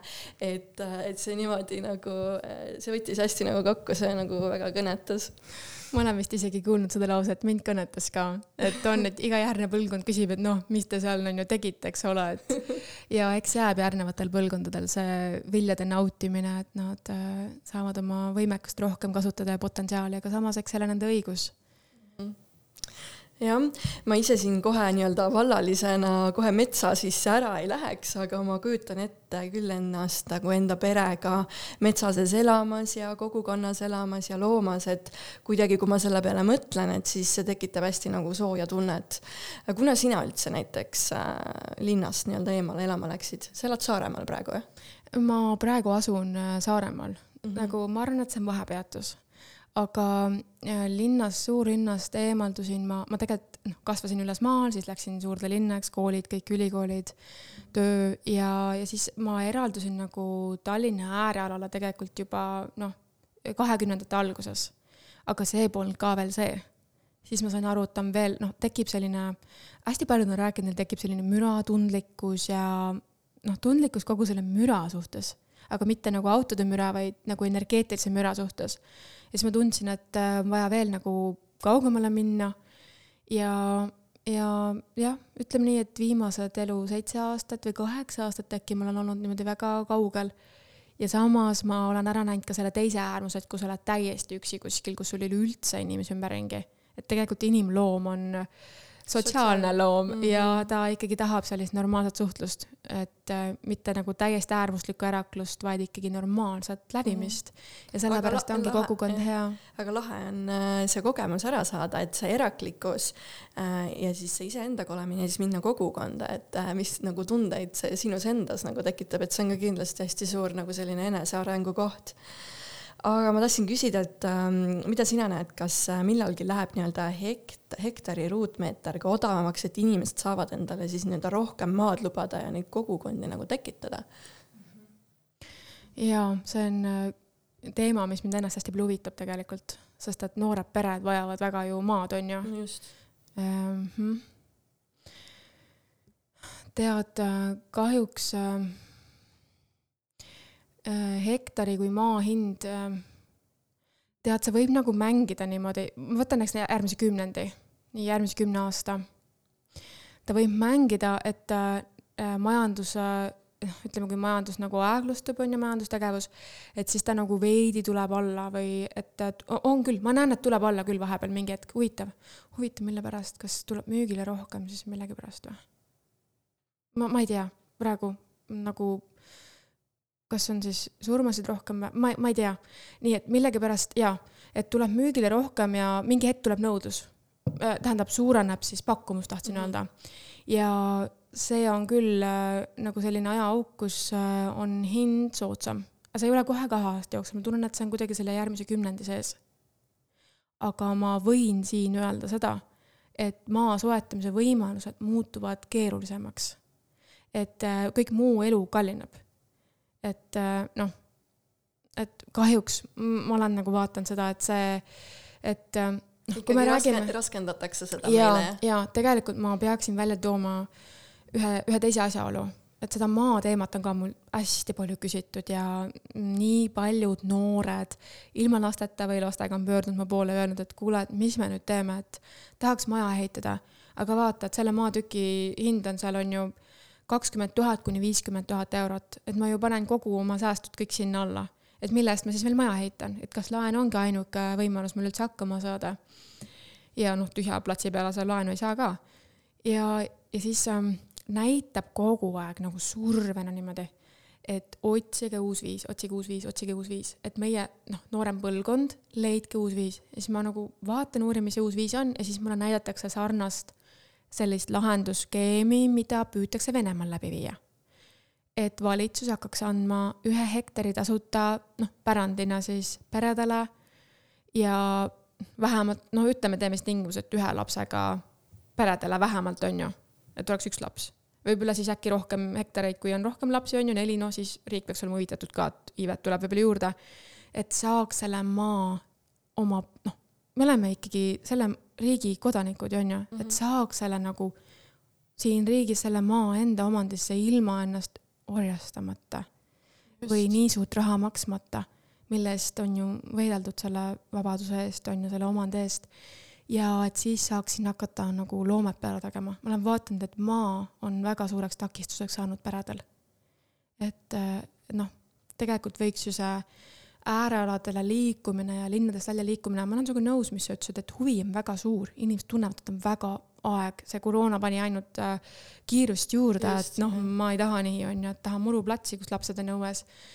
ja aga vaadake, mis hindadega juhtus, on ju, et mis võimalused siis tekivad ühel noorel äh, perel on ju, või noorpaaril, kellel võib-olla ei ole seal äh, noh, kolmesadat tuhandet kohe taskus, et äh, ja näitab jah, et on vaja seda projekti nagu algatada või kuidagi nagu hakata läbi viima.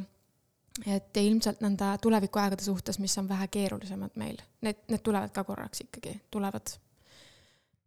okei okay,, tulevikku me kindlasti käsitleme. Lähme siis teadlik vanemlus ja laste kasvatamise juurde, et meil siin kaks plokki ongi jäänud need, et ähm, kui ma su jah, raamatuid lugesin, et äh, siis su missioon ja eesmärk oli ikka väga nagu võimas ja üllas ja ma isegi nagu mäletan, et ma peale kolmandat raamatut ma ikkagi väikse po pisara poetasin, et et äh, neid lugedes tekkiski mul nii-öelda kahetsed tunded, et ühtepidi oli mul äh, ääretult äh, rõõmus meel, teistpidi oli kurbus, kuna see rääkis lugu, kuidas minuga käituti hoopis risti vastupidi. Ja olen ise tundnud, et kuidas mu potentsiaali on nii palju nagu äh, piiratud ja piiranguid, hästi palju piiranguid eksisteeris mu ümber, et äh, mu looming ei saanud nii-öelda vabalt voolata, et äh, teisalt, äh, teisalt on mul ääretult hea meel, et ma saan ise nii-öelda selle kõik luua ja enda fookusesse võtta. et äh, selles suhtes on need raamatud olnud küll mulle nagu väga suureks eeskujuks. et ma ikka ei kipun kordama siin aitäh, aitäh, Elis ähm, Äh, ma tahtsingi ja siin on, äh, ma olen kirjutanud või küsinud ühte küsimust, mida me tegelikult nagu käsitlesime, aga jah, et see emotsioonidega toimetulek, et äh, pigem pilla-palla siia-sinna, et, et ähm, kuidas sina nendega toime tuled ja kuidas sa enda lastele nagu õpetad? võib-olla too mõned, veel mõned näited, kuidas sa nagu õpetad laps, lastele nagu emotsioonidega toime tulema mm,? ma olen äh, lastega tegeledes jaotanud endal siis selle nii-öelda teadliku kasvatuse, siis ma olen hakanud süstematiseerima plokkidesse. et on sellised, äh, noh, üks on emotsioon, emotsioonidega toimetulek, aga noh, sinna hulka kuulub ka kõik, kõik muu, mis lapse kasvatuse juurde käib, väärtuste õpetamine, käitumise õpetamine, et äh, noh, tegelen jooksvalt, on ju, oma tehnikatega, sa küsisid praegu emotsioonide kohta muidu ma tean, et äh, lihtsalt mainin seda, ma tunnen, et see on oluline. väga hästi õpetab emotsionaalse energiaga ja selle nii-öelda lahvatamisega enda sees toime tulema äh, Ingvar Villido. tal on äh, väga lihtne tehnika, mida tegelikult äh, nad vist isegi on selle lihtsustanud lastele. aga mm, kuna minu lapsed on hästi väiksed ja mida väiksem on laps, siis seda vähem sa saad sellist juttu talle nagu ajada, et ta sellist nagu noh, pikka juttu nagu ta ei saa sellest aru, et kui ta hästi pisikesel on mingi kahene, kolmene, neljane, noh, viiene, eks, et siis tuleb rohkem kehatasandiga tegeleda. ja mina olen võtnud praegu suunaks, et nii palju, kui ma saan, nii palju, kui ma märkan, õpetan last eristama, mis temas tund-, tunne on, mis tunne temas on. see on mul alati number üks küsimus Äh, päeva jooksul, nädalas, lõikes, autos, tagaistmel, äh, märkan, et ta on kuskil omaette, küsin, et mis tunne sul praegu on. Et sellega õpib ta kõigepealt ära fikseerima, mis mu sees toimub. sest et nii paljud täiskasvanud isegi ei saa aru, et miks neil on nagu ängistav tunne või paha tunne ja kust see algas, mis hetkest, kelle ütluse peale või mille nägemise või kuulmise peale seega ma õpetan tal natuke nagu vaatlema endasse ja otsima seda algpunkti, kust tal see tekkis või mille pärast tal see tekkis. ja siis järgnevalt noh, tegelen vastavalt, mis siis tundmusega tegemist on. Kui on sellised, äh, kui me räägime nüüd puhtalt, äh, kui sa küsid puhtalt sellise väga emotsionaalse käitumise puhul, mida väikelastega on, siis aitab ainult keha rahustamine ja kehaga tegelemine. Nad, ärritunud laps ei kuulegi mitte midagi ta, ta on nagu kriisis inimene, sa ei, sul ei ole mõtet talle loengut pidada, ta vajab lihtsalt lohutust, pea silitamist, ta nutab ära ja siis pärast kuulab, kui rahunenud on. lastega on suhteliselt sarnane, ma olen vaadanud. Et äh, ütlen kohe, et, et mõned vanemad, ma olen vaadanud, ma ise olen ka neid vigu teinud, et püüad talle kohe nagu selles emotsioonis midagi selgitada, ei, ei, ei, see on ajaraisk. sa nagu tood ta uuesti enda keskmesse, et äh, ja, ja siis nagu selgitad või, või uurid, mis situatsioon oli ja keha rahustamine on, väga lihtsad on hingamistehnikad, õpid last koos äh, äh, sisse-välja hingama numbritega äh,, hästi palju erinevaid variatsioone on. ja nende kohta on materjali, sellist üldist materjali hästi palju, et äh, lõdvestuse harjutused ja sellised hingamisharjutused, aga ma ei taha, et siin keegi arvaks, et see midagi sellist ülepaisutatud on. vanematel tegelikult pole aega ju on ju nii palju nagu peeneks minna nende asjadega. et võtame hästi lihtsalt, kuidas sa ennast rahustad, kui sa oled väga ärev sa lähed kuskile, kus sa tunned närvipinget. Mm, kui teadlikult läbi kopsudes üldse sisse hingad ja kas sa oskad visualiseeritult välja hingata seda, mis su sees on. ainuüksi sellise tehnika rakendamine juba nii palju lahustab seda ärevustunnet siin südamepiirkonnas.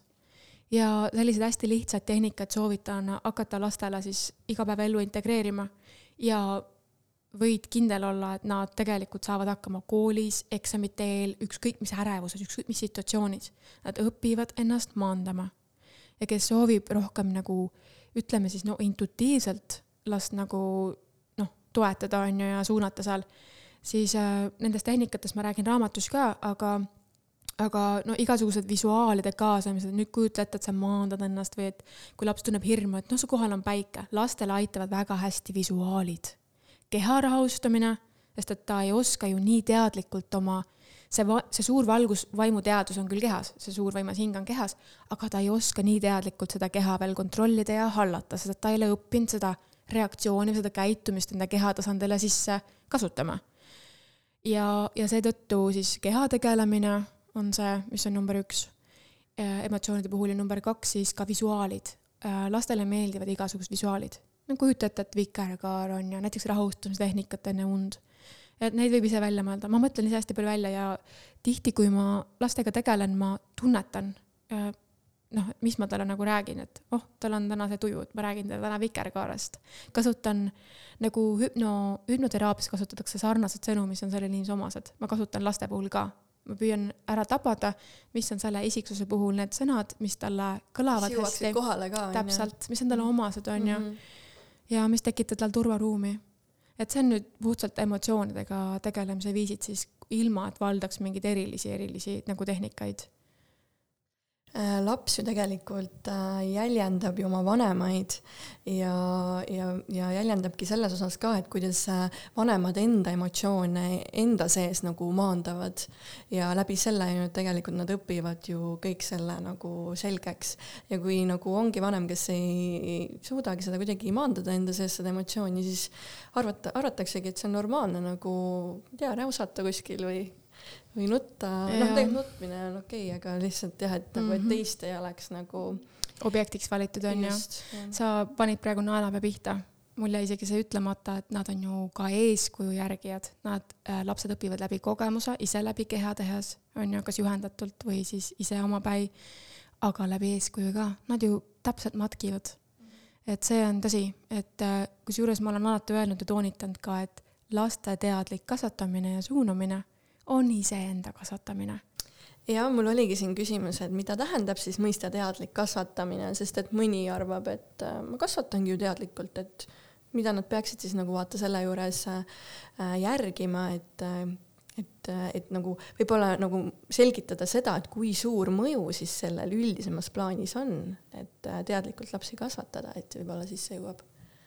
ja mm, mõju ulatus, kui on teadlikult juba midagigi rakendatud, on väga suur, et äh, see on ainult üks investeerimine, mida tehakse lastesse ja selle üle võib ainult rõõmu tunda. et kuidas sinu laps saab hakkama elus noorena, täiskasvanuna ja juhindub enda tunnetusest näiteks. ta on väga enesekindel, ta on väga ennast väärtustav. ta ei lase endale liiga teha, aga ta teab, kuidas mitte teha liiga ka teistele.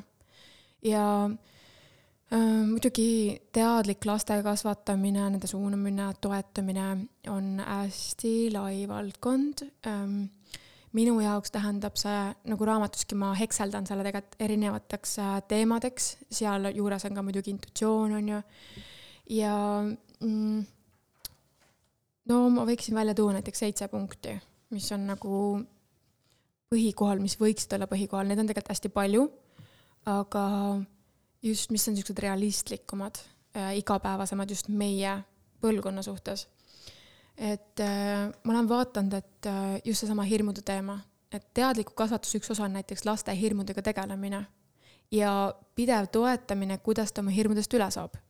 mis tähendab märkamist, mis hirmud lapsel on. see võib olla ükskõik mis pimeduse hirm, aga samas ka mingi kartus. Laps kardab kuskil kellegagi olla või kuidagi väljendada. minu arust on juba väga suur ohukoht, kui laps kardab lasteaiakasvatajale öelda seda, et tal on õues külm. miks see laps kardab? et selliseid asju märgata. et minu jaoks teadlik laste kasvatamine tähendabki pidevat igapäevast kohal olemist, endaga töö tegemist sealsamas, et mida ma ütlen, kuidas ma ütlen. Ja, ja kui ma ütlesin ühel või teisel viisil, siis mismoodi ma sisendan oma lapsi, sest et lapsevanem on programmeerija. see tegelikult näitab, kui suur vastutus on lastevanematel, sest et me oleme oma laste programmeerijad. me näeme seda lõpp-produkti ju hiljem, eks ole, mis me oleme ise loonud ja et, et me talle elus õiged sisendid annaksime. sellepärast on enda, enda jälgimine, enda kogu aeg jälgimine, mismoodi ma sisendeid annan. kas ma käsin keelan, et no, või ma suunan ja samas see on meeletu töö. sest et äh, väga lihtne ja energiaefektiivne ja kiire on hästi kiiresti anda käsu äh, ja keelamise vorme nagu käsklused. aga samas ma küsiksin vanematelt, et kui sa ütled oma lapsele, mine too, istu, mine magama, tee seda. et siis kas sa soovid, et ta oleks kahekümne viie aastasena samasugune kuskil kellegi alluvuses tööl, kes ei julge palka juurde küsida, kes ei väärtusta ennast, kes ei tea, mis elusuundasid valida, sest et teda on õpetatud istuma, kuulama, alluma. ja see tegelikult äh, paneb väga endasse vaatama, et kui sisse programmeeritud on tihti noortel lapsevanematel ka need enda õpitud äh, kasvatusvormid ja kõnelusviisid, mis nad said oma vanematelt ja siin on üks hästi suur äh, koht, et minu arust on juba teadlik laste kasvatamise toetamise viis see, kui lapsevanem otsustab, et oot-oot, mulle tegelikult ei meeldinud see, mida mulle tehti tookord, ma proovin teisiti. ja juba inimene murrab mustrit see on võimas jah, see on võimas, mul isegi tulid jah, praegu külmavärinad, see on nagu väga kõnetav äh, teema jällegi. et nagu äh, see, see ongi nagu see osa, mis, mis mul annab nagu sellist äh, jõudu iseendaga tegeleda ja sellist eesmärki ja missiooni hoida, et mul on nagu võimalus nagu täielikult sada kaheksakümmend kraadi muuta seda. Et jaa, väga lahe millised on näiteks sinu harjumused igapäevaselt nii-öelda päevaks häälestumisel või lapsi magama pannes. et nagu laste magamapanek on ju ka väga suur noh, kuidas öelda te, nagu tegevus ja ikka paras katsumus, et äh.... on küll äh,, on küll jah, nendel on ajataju ja energiaga natuke teised lood kui täiskasvanutel, kes väsivad palju kiiremini. et äh, no ma, ma võib-olla olen natuke laisk vanem, et, et kui sa küsisid, et mis on minu harjumused nagu päevaseks häälestuseks, siis um, ma ei tee otseselt mingeid päevaseid häälestuse toiminguid. et ma olen läinud rohkem olemise kulgemisse ja vastavalt vajadusele et oli küll üks periood, kus ma hästi palju tegin ja taotlesin ja ma tean inimesi, kes isegi toidu iga kord häälestavad üle, no ma olen natuke laisk muhv selle suhtes, et äh, pole seda aegagi, aga ma panen hästi tugeva põhirõhu just nagu sisenditele ja programmeerimisele, kellena mu laps ennast tundma peaks. aga mis puudutab nüüd äh, uneasju, no ma pean ikkagi ütlema, et äh, me oleme väga ikkagi, ma olen vaadanud, et lastele tekitab turvatunnet selline nagu rütm ma ei tahaks öelda rutiin, aga ma ütleks, et rütm. ja ma tean, et on küll äh, selliseid uusi suundasid, kes ütlevad, et ei, et pane laps magama siis, kui ta tahab minna ja et ära suru teda mingi kellaaja pealt ma ei suru nagu otseselt kellaaja pealt, mul on üks vahemik, kus ma olen näinud, et minu lapsed sellel vahemikul väsivad äh, intensiivselt, see on hea hetk, kus nad uinuvad kiirelt. kui ma selle üle lasen, siis tekib äh, üleväsimus, siis nad ei taha üldse tudule jääda. ja ma kasutan siis sellist nagu ajaakent ära ja enamasti ikkagi olen tegelenud äh, noorest eas saadik ikkagi rütmi tekita, tekitamise harjumusega, sest et äh, inimese keha on ka rütmiline, meil süda, eks ole, on rütmiline, et, et ma ikkagi proovin neil seda rütmi tekitada. et ähm, olin kunagi ka selline ema, kes siis püüdis kõikidel laste vajadustel välja, noh, vastu tulla, eks ole, on ju, et seal tahtis üleval olla või nii. ja üsna kiiresti ma sain aru, et, et see ei ole jätkusuutlik ja ma tean vanemaid, kes ütlevad, et aga mu laps on üheni öösel üleval. ma küsin, et mis te siis teete? ta ütleb, et mitte midagi muud, et ma istun temaga koos, et ma panen talle juba lõpuks selle tahvelarvuti on ju ette multikatega, et ta lihtsalt on üleval. ma küsin, et kas sa nagu proovisid varem ka panna magama või? siis ta ütleb, et ei, et ta ei jäänud, aga noh, vanem lasi selle ajaakna kogu aeg mööda. et noh, lastel ei ole niimoodi, et noh, sõltub, on ju, mõnel on see, et kui on üleväsinud, siis ta võib lasta sul hommikuni. aga sa ise nagu tunnetad kohe selle ajaakna ära või? et äh, võib-olla paljudel vanematel ei ole nagu sellist tunnetust, vaata, et, äh, et leida see õige hetk või see ajaaken nagu üles leida, et kuidas sa seda nagu kirjeldaksid? see on enamasti igapäevaselt sama, kui on päevategevused samad olnud ja ajaakent ei ole võimalik ära tunnetada ainult siis, kui lapsevanem on mingi tegevusega hästi hõivatud ise sellel hetkel näiteks ta on süüvinud filmi ja siis ta ei märka, et laps juba hüppab ja karjub ja tahab minna magama. et jällegi, niisugune teadlikum lastekasvatusviis nõuab tegelikult nii palju kohalolu laste suhtes. ja et endal on kergem, tegelikult ma olen vaatlenud, et endal on palju kergem ja lapse tervis on nagu kuidagi noh, kuidagi ma olen vaatlenud, et kui nad on ikkagi rütmiga Äh, et nad teavad, et noh, õhtuti on see rituaal, peale seda me läheme magama, nii-öelda rituaal, et paneme öösärgi selga, peseme hambad see tekitab neil turvatunnet, seda on tegelikult väga paljud pedagoogilised suunad ka nagu öelnud ja soosinud. et tekitage neil siis rituaalidega turvatunnet, nad juba teavad, et peale seda nad peavad minema. ja selle võrra noh, kõik magavad nagu notid. samas ma, noh, nad ei ole meil sada protsenti lasteaialapsed, on ju, nad on hästi palju kodused, neil puudub see kohustus kella pealt hommikul ärgata, et siis ma lasen neil nagu une täis magada ja, ja siis noh, vaatan, et liiga hilja peale nagu ei läheks ja siis ärkavad sa oled ilmselt äh, päris mitmeid äh, lapsevanemaid nõustanud. Äh, millised on võib-olla sinu arvates peamised komistuskivid, mida tänapäeva lapsevanemad nii-öelda valesti teevad? jaa, mm, esiteks on ju eksimine on hästi loomulik et kõik et teevad vigu, on ju. just, et ei mõistagi sind hukka. kui teadlik on, on ju, et keegi ei tunneks ennast pahasti.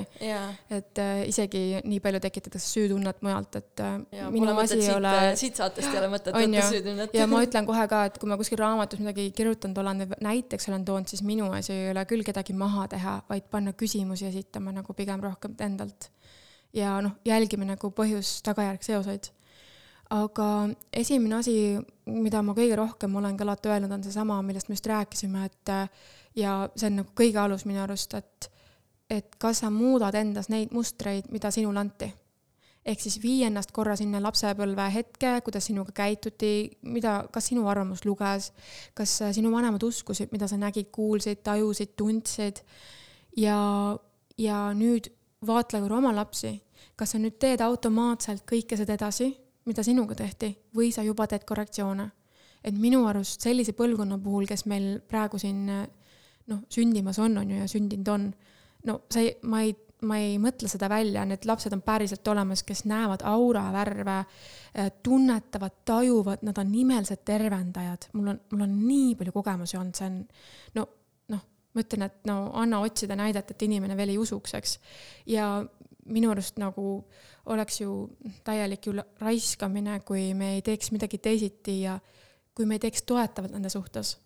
et äh, rohkem toetust ja see toetus väljendubki selles, et äh, aita last äh, äh, õpetada, et ta iseendasse usuks, õpetada sisetunde kasutamist äh,, oma sisemise hääle kasutamist, et ta teaks ise, mis on temale hea ja siin ma ei räägi sellest, et kas, kas kaheaastane teab, et kas ta peab magama minema või mitte, vaid nagu nii-öelda sisendprogrammist, et laps õpiks noorest east eristama seda, mis on tegelikult mulle hea ja et kui mul on vastas mingisugune noortegrupp, kes kõik tahavad ühte teha ja siis ma tunnen, et astun ringist välja, et see ei ole mulle kasulik mu tervisele, et ta õpiks nagu enesekindlusega väljendama seda, mis on tal hea.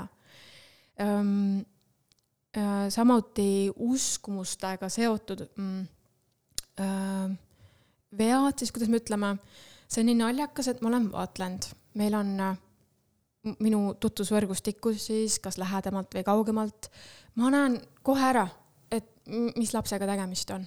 ja lapsed tulevad tihti ise minuga kõnelema. ja siis nagu vanemad hakkavad rääkima ka, et näed, et see laps mul räägib siukseid asju ja et mida meil kodus toimuvad siuksed asjad ja siis ma kuulan ja nagu ütlen, et jah, et see on tavaline, on ju, ja et näed, et lapsel on seal mingi see, see kogemused sealt tulnud ja et vaata, mingi Tiibetis elanud on ju, täielik meister, et tuli kogu teie pere on ju siin muutma. ja siis ema räägib, et jaa, on, on, on, et õiega vaata ja see oli ja see oli meil ja mingi lind lendas toas on ju ja me nägime mingi valgust, kirjeldab paranormaalseid kogemusi. ja siis ma siiski nagu näen, et see ema nagu kõhkleb aga äkki laps ikka noh, et see pole võimalik.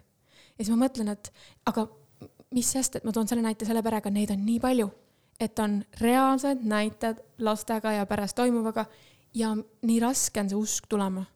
et tunnistagem, et need asjad on juba teisiti, need on olemas.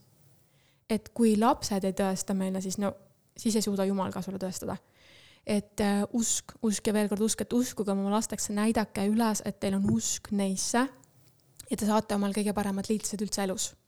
Jah, aga vaata, kui ongi, et äh, kui vanemad ise ei ole endasse uskujad, siis kuidas nad on ju enda lastesse usuvad, et see on ka jälle järgmine koht on ju, et ennekõike jälle tuleb endasse jälle see usk leida üles, et sa saaksid tekitada enda lapses ka selle usu on ju, tegelikult ma ütleks, et laste kasvatamine on nagu koos kasvamine, mina näen seda, et ma kasvan koos lastega ja, ja kui ma arvasin äh, seal võib-olla mingi kaks tuhat neliteist, et äh, ma siin kõike tean, on ju, siis kaks tuhat kaheksateist oli selge, et ma ei tea midagi ja siis, et see, mida rohkem sa teada saad ja, ja see teadusavarduse teekond on ju, see areneb, läheb edasi, siis sa lõpuks näed tegelikult, kui vähe me tegelikult teame.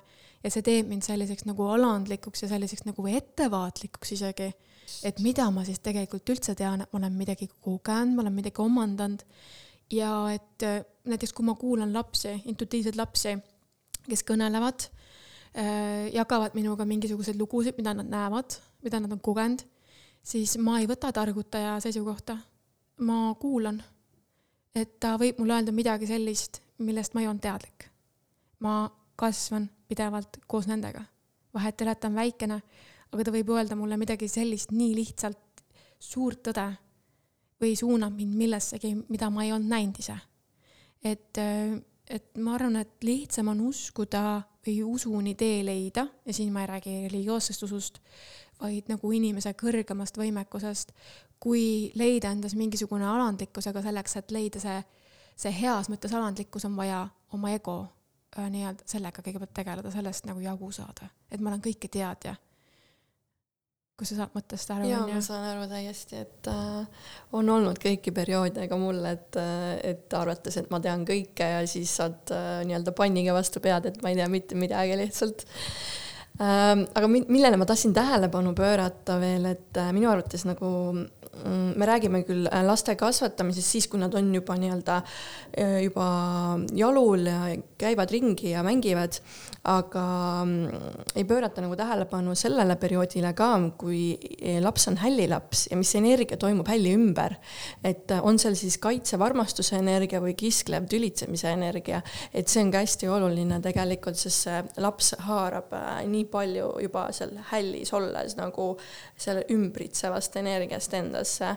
et äh, kuidas see sinu arvates mõjub lapsele?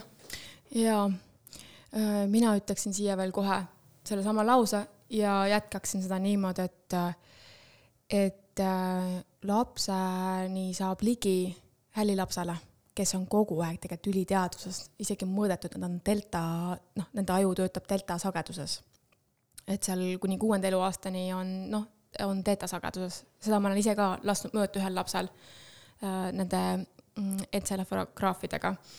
aga mm, kui laps, hälilaps on üliteaduses, siis tema häirimine ja tema nii-öelda mõjutamine saabki aset leida ainult tänu vanematele, sest et kõigepealt ju peab vanem ennast häirida laskma ja kuna laps on seotud vanemate energiaväljaga esimestel eluaastatel väga tugevalt, siis järelikult ongi seesama seos, et see, mida vanem viljeleb, see avaldab mõju ka lapsele. kuid ma siinkohal ütleks, et keegi tunneks ennast pahasti, et võib-olla on väga püüdlik ja noh, noh, harmooniline pere, eks, aga lapsel on näiteks äh, unepaanika hood, et seal on teised põhjused ka.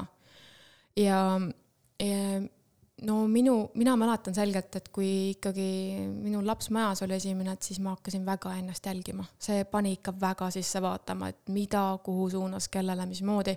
ja see on selline pidev endaga tegelemise protsess. ma tean, et paljudel on nii, et nad hakkavad äh, rohkem äh, sisemaailmaga tegelema.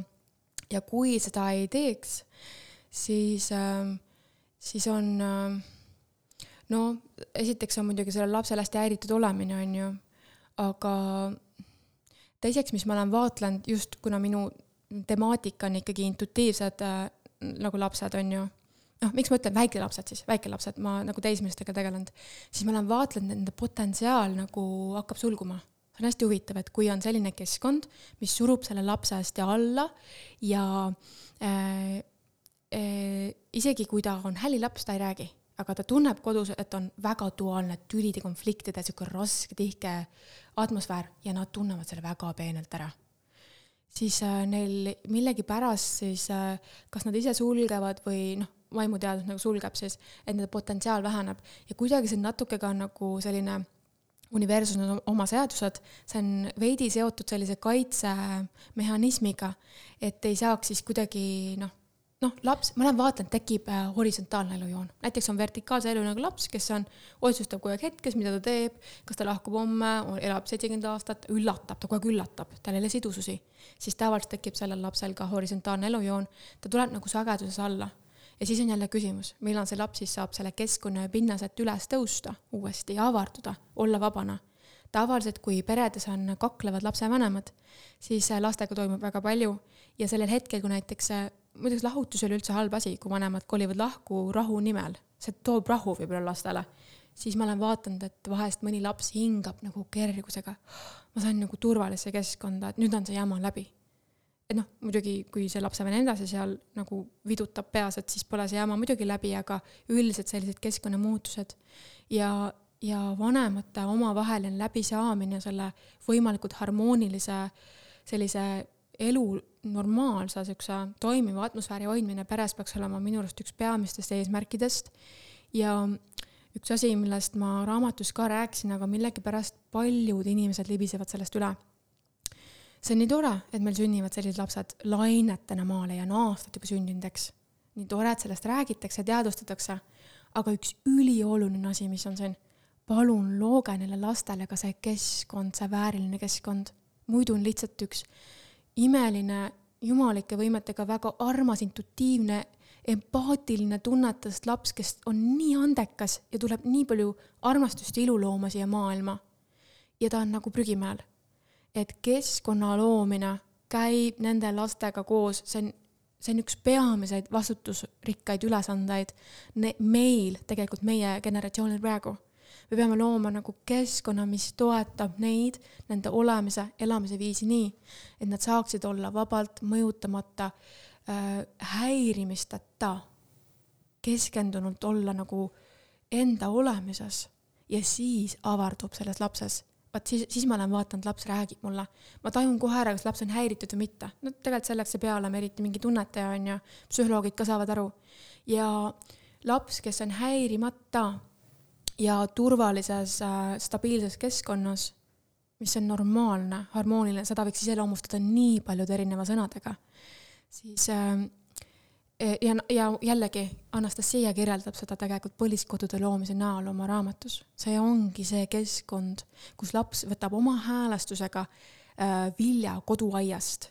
muideks need lapsed tahavad väga panna seemneid mulda ja, ja jälgida selle kasvu, nad häälestavad seda alateadlikult nii noorest east ja isegi aias äh, või metsa ääres olevaid loomi, ma olen näinud ise, kuidas lapsed suhtlevad äh, nastikutega ja kujutad ette, keda kardavad täiskasvanud.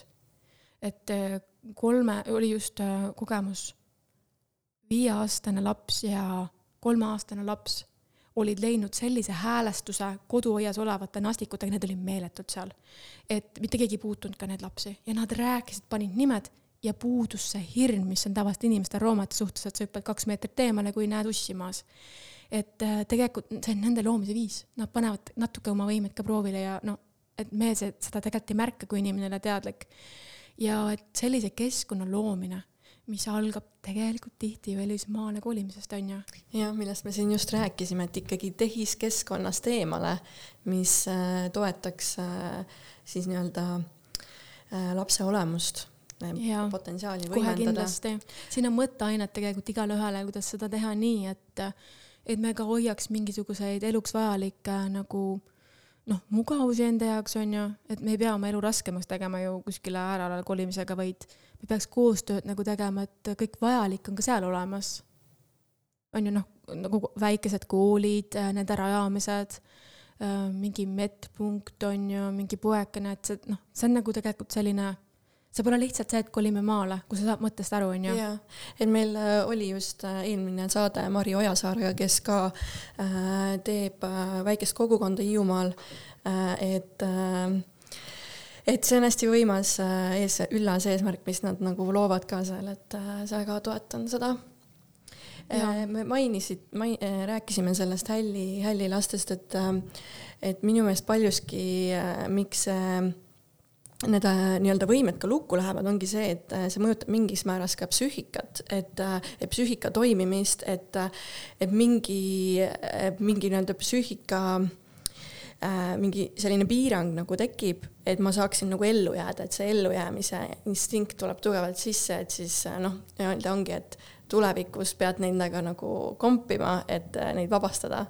et see on nagu üks aspekt, aga ma tahtsin küsida su käest mm, nutiseadmete kohta ka, et äh, kuidas sa nagu nendesse suhtud ja kuidas nagu lap-, nagu lapsel kõige efektiivsemalt äh, viisil nagu neid kasutada, sest noh, iseenesest me, need on toredad, me võime neid nagu kasutada, aga on ju, et kuidas ja. ma mm, olen uurinud äh, nutiseadmete mõju äh, intuitiivmeetodil, samas tutvunud ka mingi kirjandusega. et noh, kui ma nagu, kuidas siis öelda, ma võin rääkida seda, ma ei taha nagu nõu anda, aga ma võin rääkida seda, mis on. et äh, noh, üks on kindel ja no minu, minu lastel ei ole nagu sada protsenti keelatud näiteks nutiseadmed. noh, mult on küsitud, nad ei ole nutiseadmelapsed. et ma tegelen nendega hästi palju. aga nad teavad, mis see on. ja miks see nii on, kui me hakkame, ma lihtsalt räägin, et ma tean äärmuseid, kes keelavad absoluutselt kõik ära. aga siin on küsimus, kui palju, eks ju, nagu sa ütlesid ise, et tegelikult ei ole, ei pruugi ju paha olla, on ju. ja et kui nüüd täiesti ära keelata, siis võite enam kui kindel olla, et see laps hakkab otsima viise vanem, varem või hiljem, kus ta leiab need ägedad asjad, mis kõigil käes on, kas koolis või no millal iganes. et seega noh, tasub seda pinget nagu maandada äh,, tutvustades või ütleme siis, et nad teavad, mis see on. nüüd on üks aga, kui on väikesed lapsed, siis äh, ikkagi, ja seda ütlevad äh, pedagoogid ka, kasvatusteadlased, et on ajaline mõõde et nutiseadme kasutusel on hästi tähtis see, kui kaua laps seda võib kasutada. ja ma võin nüüd natuke eksida minutitega, aga mul on kuskilt jäänud kõrva nelikümmend minutit, et see on maksimum näiteks kuni mingi viie-kuueaastase lapse puhul. päevas siis? jaa, et tegelikult äh, hiljuti ütles mul üks äh, käisin ühes kliinikus, ühes psühholoogikliinikus, seal oli üks laste kliiniline psühholoog, kes ütles, et isegi veel vähem.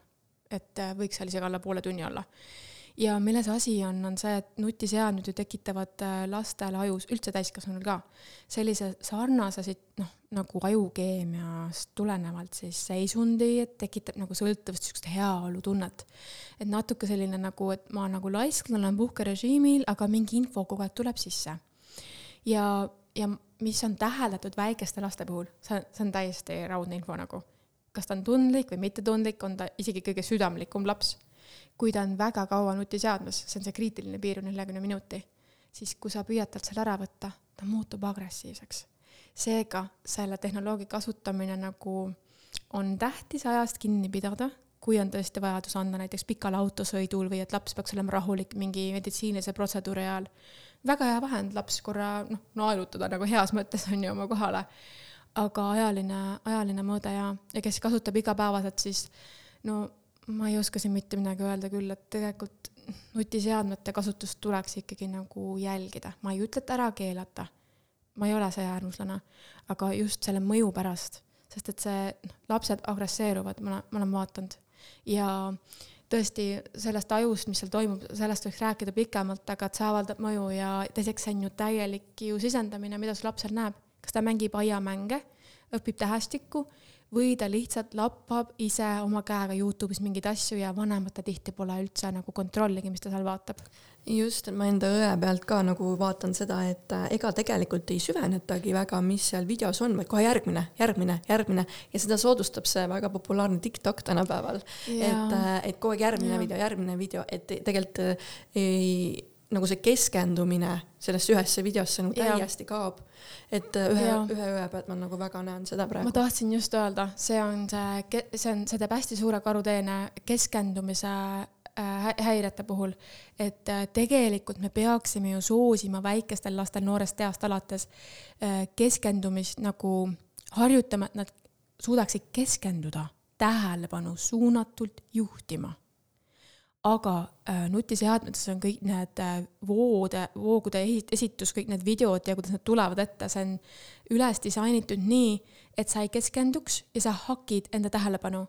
ja mis nüüd juhtub, kui see laps on niimoodi kasvanud hästi nagu hektiliselt kuidagi, ta ei püsi, ta on hästi nagu paigalt püsimatu, siis ta ei suuda ka edaspidi näiteks mingisugusele loomeprotsessile süübida ja sealt lahendusi välja otsida. ta ei suuda näiteks nii hästi projektiga tegeleda aga meil on ju vaja süvendatud mõttetööd, et tegeleda ka mingite noh, elus ükskõik mis asjadega. asjadega, enda oluliste projektidega, tahad võtta rahuseisundis vastu näiteks omale vajalikke otsuseid, on ju.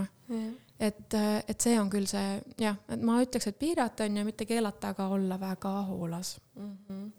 ma lugesin su just viimat, viimast blogipostitust, kus sa rääkisidki, et meil on käbinäärme käbinääre, otsmikusagar ja viisteist kuni seitseteist ajukeskust. et igaüks, iga, igaüks neist on mingi meelega seotud. et äh, oled öelnud, et intuitiivsetel lastel on täiesti teistmoodi ajukeskused kui suletud potentsiaaliga inimestel, et millised on võib-olla need peamised erinevused mm? -hmm. ma tooks välja kaks hästi olulist. esiteks on neil sünnipäraselt käbinääre aktiveerunud ja teise suurusega. kusjuures siin ma, ma, ma ei hakka nagu ütlema, et äh, ma tean, et on tehtud lastega nagu viidud ka, et uuritud aju, on ju, et mm -hmm. ta on küll tehtud. aga noh, ärge teie seda tehke, et piisab sellest, kui on juba tuvastatud arsti poolt, et peakuju on näiteks ajul seal suurem, on ju, noh, hästi erinevate peade kujudega lapsi on ju, ajumahtudega ka. ja et ühesõnaga, üks on käbinääre mis on hästi oluline intuitiivtunnetuskeskus. ja teiseks on neil, mõtlen kohe, kas see oli mõlemal poolel, et on üks ajukeskus, mis vastutab audio, äh, audio ja visuaalpiltide töötlemise eest. tegelikult on neil mitu aktiivset, aga ma olen vaadanud, et näiteks äh, intuitiivne laps, kes näeb pilte enda ees või auravärve või siis äh, tajub teistmoodi, siis tal on need äh, need ajukeskused, mis vastutavad siis pildi ja audio informatsiooni töötlemise eest, on, töötlevad, nad töötavad siis palju suuremal määral, ütleme. Et mina siin ei hakka nimetama protsente, seda saab täitsa kindlaks teha. ma tean, et mingisuguste protseduuridega, programmidega, ma ei tea, kas neid Eestis isegi on, aga äh, ja samas mulle meenub, et on jah, et äh, neid saab isegi mõõta küll niimoodi, et missugune ajukeskus hakkab helendama, mul tuleb meelde, et on tehtud küll niimoodi, et antakse jooki inimesele ja siis äh, vaadeldakse täiskasvanutega on tehtud seda katset, et kui ta keskendub ja mõtleb, et siis aktiveerub üks või teine. ja kuna äh, ülitundlikud lapsed viibivad kogu aeg informatsiooni töötlemise väljas, muideks siit ka ohukoht, kui nad on üle stimuleeritud, on ju, äh, siis nad äh, tegelikult nagu kogu aeg kasutavad oma aju. tegelikult, mis on üks oluline koht, nad peavad saama ka puhata reaalselt puhata, mitte nagu konfliktsest kodukoldest veel rohkem stimuleeritud ja häiritud sest et nad kasutavad nagu kogu aeg oma tunnetusmeeli, väga tihti. ja kui on ülestimulatsioon, siis tekib ka ülemõtlemine, mida ju räägitakse, mis tekitab omakorda depressiooni. ja kuigi väiksed lapsed vist üle mõelda veel ei oska, seda ah, nagu no, teismelised teevad, aga väikeste laste puhul ma olen vaadanud, et nad hakkavad kehaliselt käituma äh, pööraselt. lapsevanem tavaliselt ütleb selle peale nii, ta käitub jonnakalt, ta on tujukas, ma ei saa aru, mis tal viga on, on ju, ta ei kontrolli ennast, näiteks mingid raevuhood, tegelikult lapsel ei ole mitte midagi viga. ta on lihtsalt nii üle stimuliseeri-, stimule-, stimuleeritud, on ju.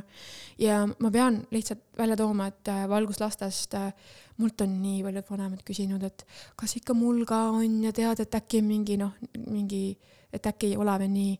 et äh, hästi huvitav on see, et lapsevanem ise ei pruugi üldse teadagi, et tal on nagu tunnetuslik laps kodus ja et miks ta käitub näiteks, kui ta on üle stimuleeritud, miks ta käitub niimoodi ja sest et lapsed ei räägi. tead, kui huvitav see, nad ei räägi, nad ei räägi näiteks, et ma näen värve. mõnikord nad tulevad, kui sa tekitad temaga selle olemise mm -hmm. ja ta tunneb ennast turvaliselt, siis ta räägib. vanem ei pruugi üldse teadagi, et laps on kogu aeg tunnetuses, ta on nii empaat, et kui ta ruumi astub, ta tunneb kõiki mõtteid ja tundeid ja siis veel käib seal mingi tümps, mingi mürakas, mingi vaidlusnurgas, kuskil on mingi telekas, keegi midagi veel nõuab lapselt no mida me siis teeksime, me tahaksime võtta kahe käega peast kinni ja joosta uksest välja, onju, aga mida see väike laps oskab teha? ta tahab põgeneda sellest, ta nagu väljendab seda oma pisikese kehaga nii hästi, kui ta oskab, ehk siis ta annab meile mõista, et tema jaoks on asi põrgu. Ja siis vanem midagi teeb, kas viib ta ära või noh, onju. see ongi siis nii-öelda see meisterteadvus lastel.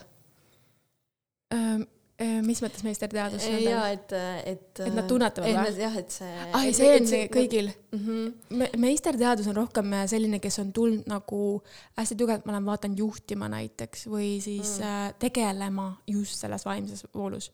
aga no ütleme jah, et tinglikult meisterteadus, kõrgem meisterteadus ikkagi jaa, kõigil ikkagi on aktiiv, aktiivne mm. -hmm. Ähm me nüüd, äh, sa rääkisid küll äh, nendest enda, inimesed, kes su juurde pöörduvad, äh, mis küsimustega nad pöörduvad, aga mm, millised on siis need põhimõtteliselt need murekohad, mis vanematel on võimetega laste kasvatamise juures, et ähm, mm. ja, ja, et ülitunnetajate, siis tunnetajate laste puhul.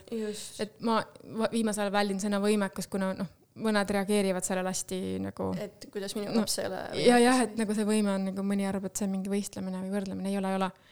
et äh, ütleme siis ülitunnetajatega lastega äh, hästi suured mureküsimused on olnud peamiselt sellega, et äh, kuidas toetada selle lapse võimeid, mismoodi, mis viisil ehk siis see on loogiline, sest et vanemaid ei ole ise tihti õpetatud, mismoodi näiteks intuitsiooni kasutada.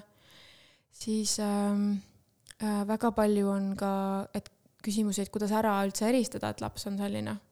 aga noh, see on lihtne tegelikult, see pole nagu keeruline. siin vajab pigem vanem julgustust.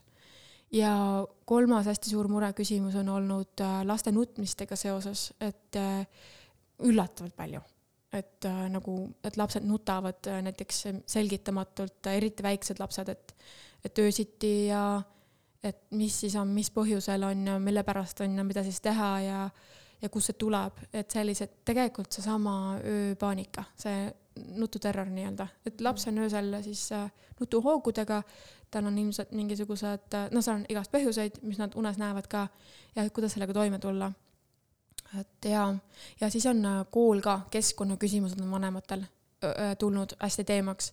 et mida ma teen, et ma ei soovi oma last panna sellisesse kooli, nagu ma kunagi olin. et mida pakkuda neile teisiti, et kuidas siis teha. et see on tulnud ka päevakorda hästi aktiivselt. kuna kordus on tarkuse ema, siis kordame veel üle, et äh, kuidas hoida laste algseid võimeid, et nad saaksid oma pot-, täispotentsiaalis avarduda mm,? suunata lapsi pidevalt äh, märkama enda sisemist äh, tunnet. see on see hingetunne, mis ütleb, mida ühel või teisel viisil teha. siis äh, rakendada selle kasutamist, et hoida pidevalt soojas, endale tuginemist, õpetada iseendale tuginemist, iseenda usaldamist õpetada enesekindlust, et see info, mis sa said, et see on tõene, läbi mängulise viisi või siis harjutuste. Ehm, ja, ja hirmudega tegelemine äh, kindlasti väga olulisel kohal, sest et hirmunud inimene on potentsiaalis äh, nõrgenenud inimene noh, meenutagem kas või iseenda eksamite kogemusi, kus kõik ununeb peast, miks, sest et inimene on hirmust blokkinud kõik ära, mis ta peas on, on ju, tal ei tule loomulikku voolamist. ja et hirmudega tegeleda ja, ja väga teadlikult selline enda, enda sees toimuv, enda tunnete eristamise ja nende algsete tekkimise kohtade siis äh, eristamine ja arusaamine et see on juba alustuseks väga hästi. Aitäh sulle, me oleme juba kaks tundi rääkinud, me lähme oma viimase ploki juurde, aga enne ma küsin veel su käest ühe küsimuse, et mida ütleksid täna nendele inimestele, keda on kasvatatud käskiv, keelav allutavus programmeeringutes ja piirangutes, keda on tühistatud, nende olemust on pisendatud, looming on lukku pandud, et paljud ei teadvusta seda, et et äh, see isegi nendega on juhtunud, aga need inimesed, kes teadvustavad, et mida sa neile ütleksid või soovitaksid teha? esiteks teha rahu sellega, mismoodi teid kasvatati. sest et äh, teie vanemad kasvatasid teid omaenda teadlikkuse kohaselt nii hästi, kui nad oskasid või ei osanud. teiseks, äh, õpi iseennast tundma, kes sa tegelikult oled. sest et need kasvatusviisid, mida rakendati sinu peal või kuidas need väljendusid või sinule tekitasid äh, arusaamisi iseendast tollal, ei ole see, mis sind defineerib täna. ja kolmandaks, pane väga tugevalt paika see, kes sa tahad olla täna. Milles sa usud, kelles sa usud, kas sa usud iseendasse ja leida väga sügav äh, nii-öelda enesekindlus ja tuginemise punkt siis iseendas. et leida üles oma jõud ja võib-olla teha mingid otsused, et mida ma sellest õppisin, mida ma õppisin, et ma olin sellise kogemusega lapsepõlves, sest et alati on seal mingisugune kõrgem eesmärk, vahest on seda raske aru saada. ja kui sellest kõrgemast eesmärgist aru saada, et ahaa, ma õppisin seda nendelt vanematelt sellepärast, et ju siis minul tahab tulla väga teadlik laps ja ma tean kohe kindlasti, mida välistada oma lapse kasvatamisel sellega lahendame me ära selle, mis on toimunud meiega. lahendamise tulemusena, sisemise lahendamise tulemusena tavaliselt naasebki seal kogemuses kinni olnud hingeteaduse energia. inimene tunneb ennast kompaktsemalt tervena ja võimekana. Ja selle tulemusena tegelikult juba taastuvad ka meie iseenda tunnetus, intuitsioon ja võimekus. seda tervemana, seda tervemat suhtumist saame me tegelikult anda ka lastele. see on üks tõeline eneseareng väga vinge aitäh ja liigume kaks tuhat kakskümmend kaks aasta juurde.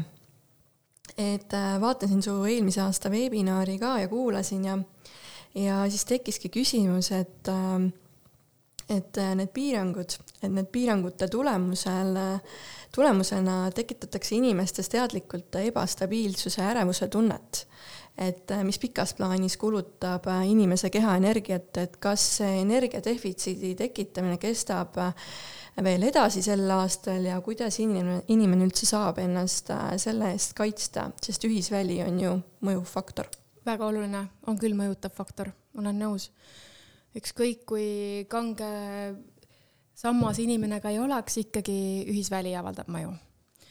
Ehm, kaks tuhat kakskümmend kaks, äh, ma olen vaadanud, tuleb väga jõuline sirgjooneline aasta, energeetiliselt väga võimendunud. tavaliselt, kui on väga võimekate energiat, ütleme siis soosivad energiat, mis soosivad inimeste loomist maal, tavaliselt nende saatel on no igasuguseid jamasid aset leidnud globaalselt või riiklikul tasandil, mis viib paratamatult inimeste tähelepanu ära sellelt, mis on nende elus oluline. ja nüüd äh, selleks, et siis äh, see aasta hästi edukalt enda jaoks niimoodi läbi äh, viia või realiseerida, ma isegi ei taha öelda kulgeda, vaid realiseerida, sest et ta on hästi oluline realiseerimise aasta. selleks nüüd vaatamata sellele, mis võib toimuda või mida püüdakse meile siis istutada või kuvada või kuhu püütakse meie pead nagu suunata vägisi, et kogu aeg tuletada endale hästi teadlikult meelde, kus on minu fookus eluliselt, mis on mu plaanid sellel aastal. kas mul on vaja mingi projekt ära realiseerida või endale uus elukoht leida. kas meil on vaja maja rajada ja endale parem tulevikukeskkond lasta ära teha. kogu aeg hoida ennast väga fookuses, mis nõuab distsiplineeritud meelt. et on väga soositud energiate aasta tegelikult üle mitmete aastate. ja, ja noh, potentsiaali on, aga see nõuab distsipliini, sest et mitte miski niisama kätte ei tule. ja mm, noh, ükskõik, kas see on valu või mida me näeme ümberringi, et äh, see ei tohiks nüüd inimest nagu mõjutada. et hoiame oma fookust ja paneme hästi selgelt paika oma tegevuskava. sest et kui on meil olnud selliseid visuaalseid loomisaastaid, et kus me nagu lähetame mingeid visioone justkui endast välja ja siis ootame nende nagu realiseerumist, siis käesolev aasta on puhtalt realiseerimise aasta, mis tähendab, et see vajab tegutsemist, reaalseid samme.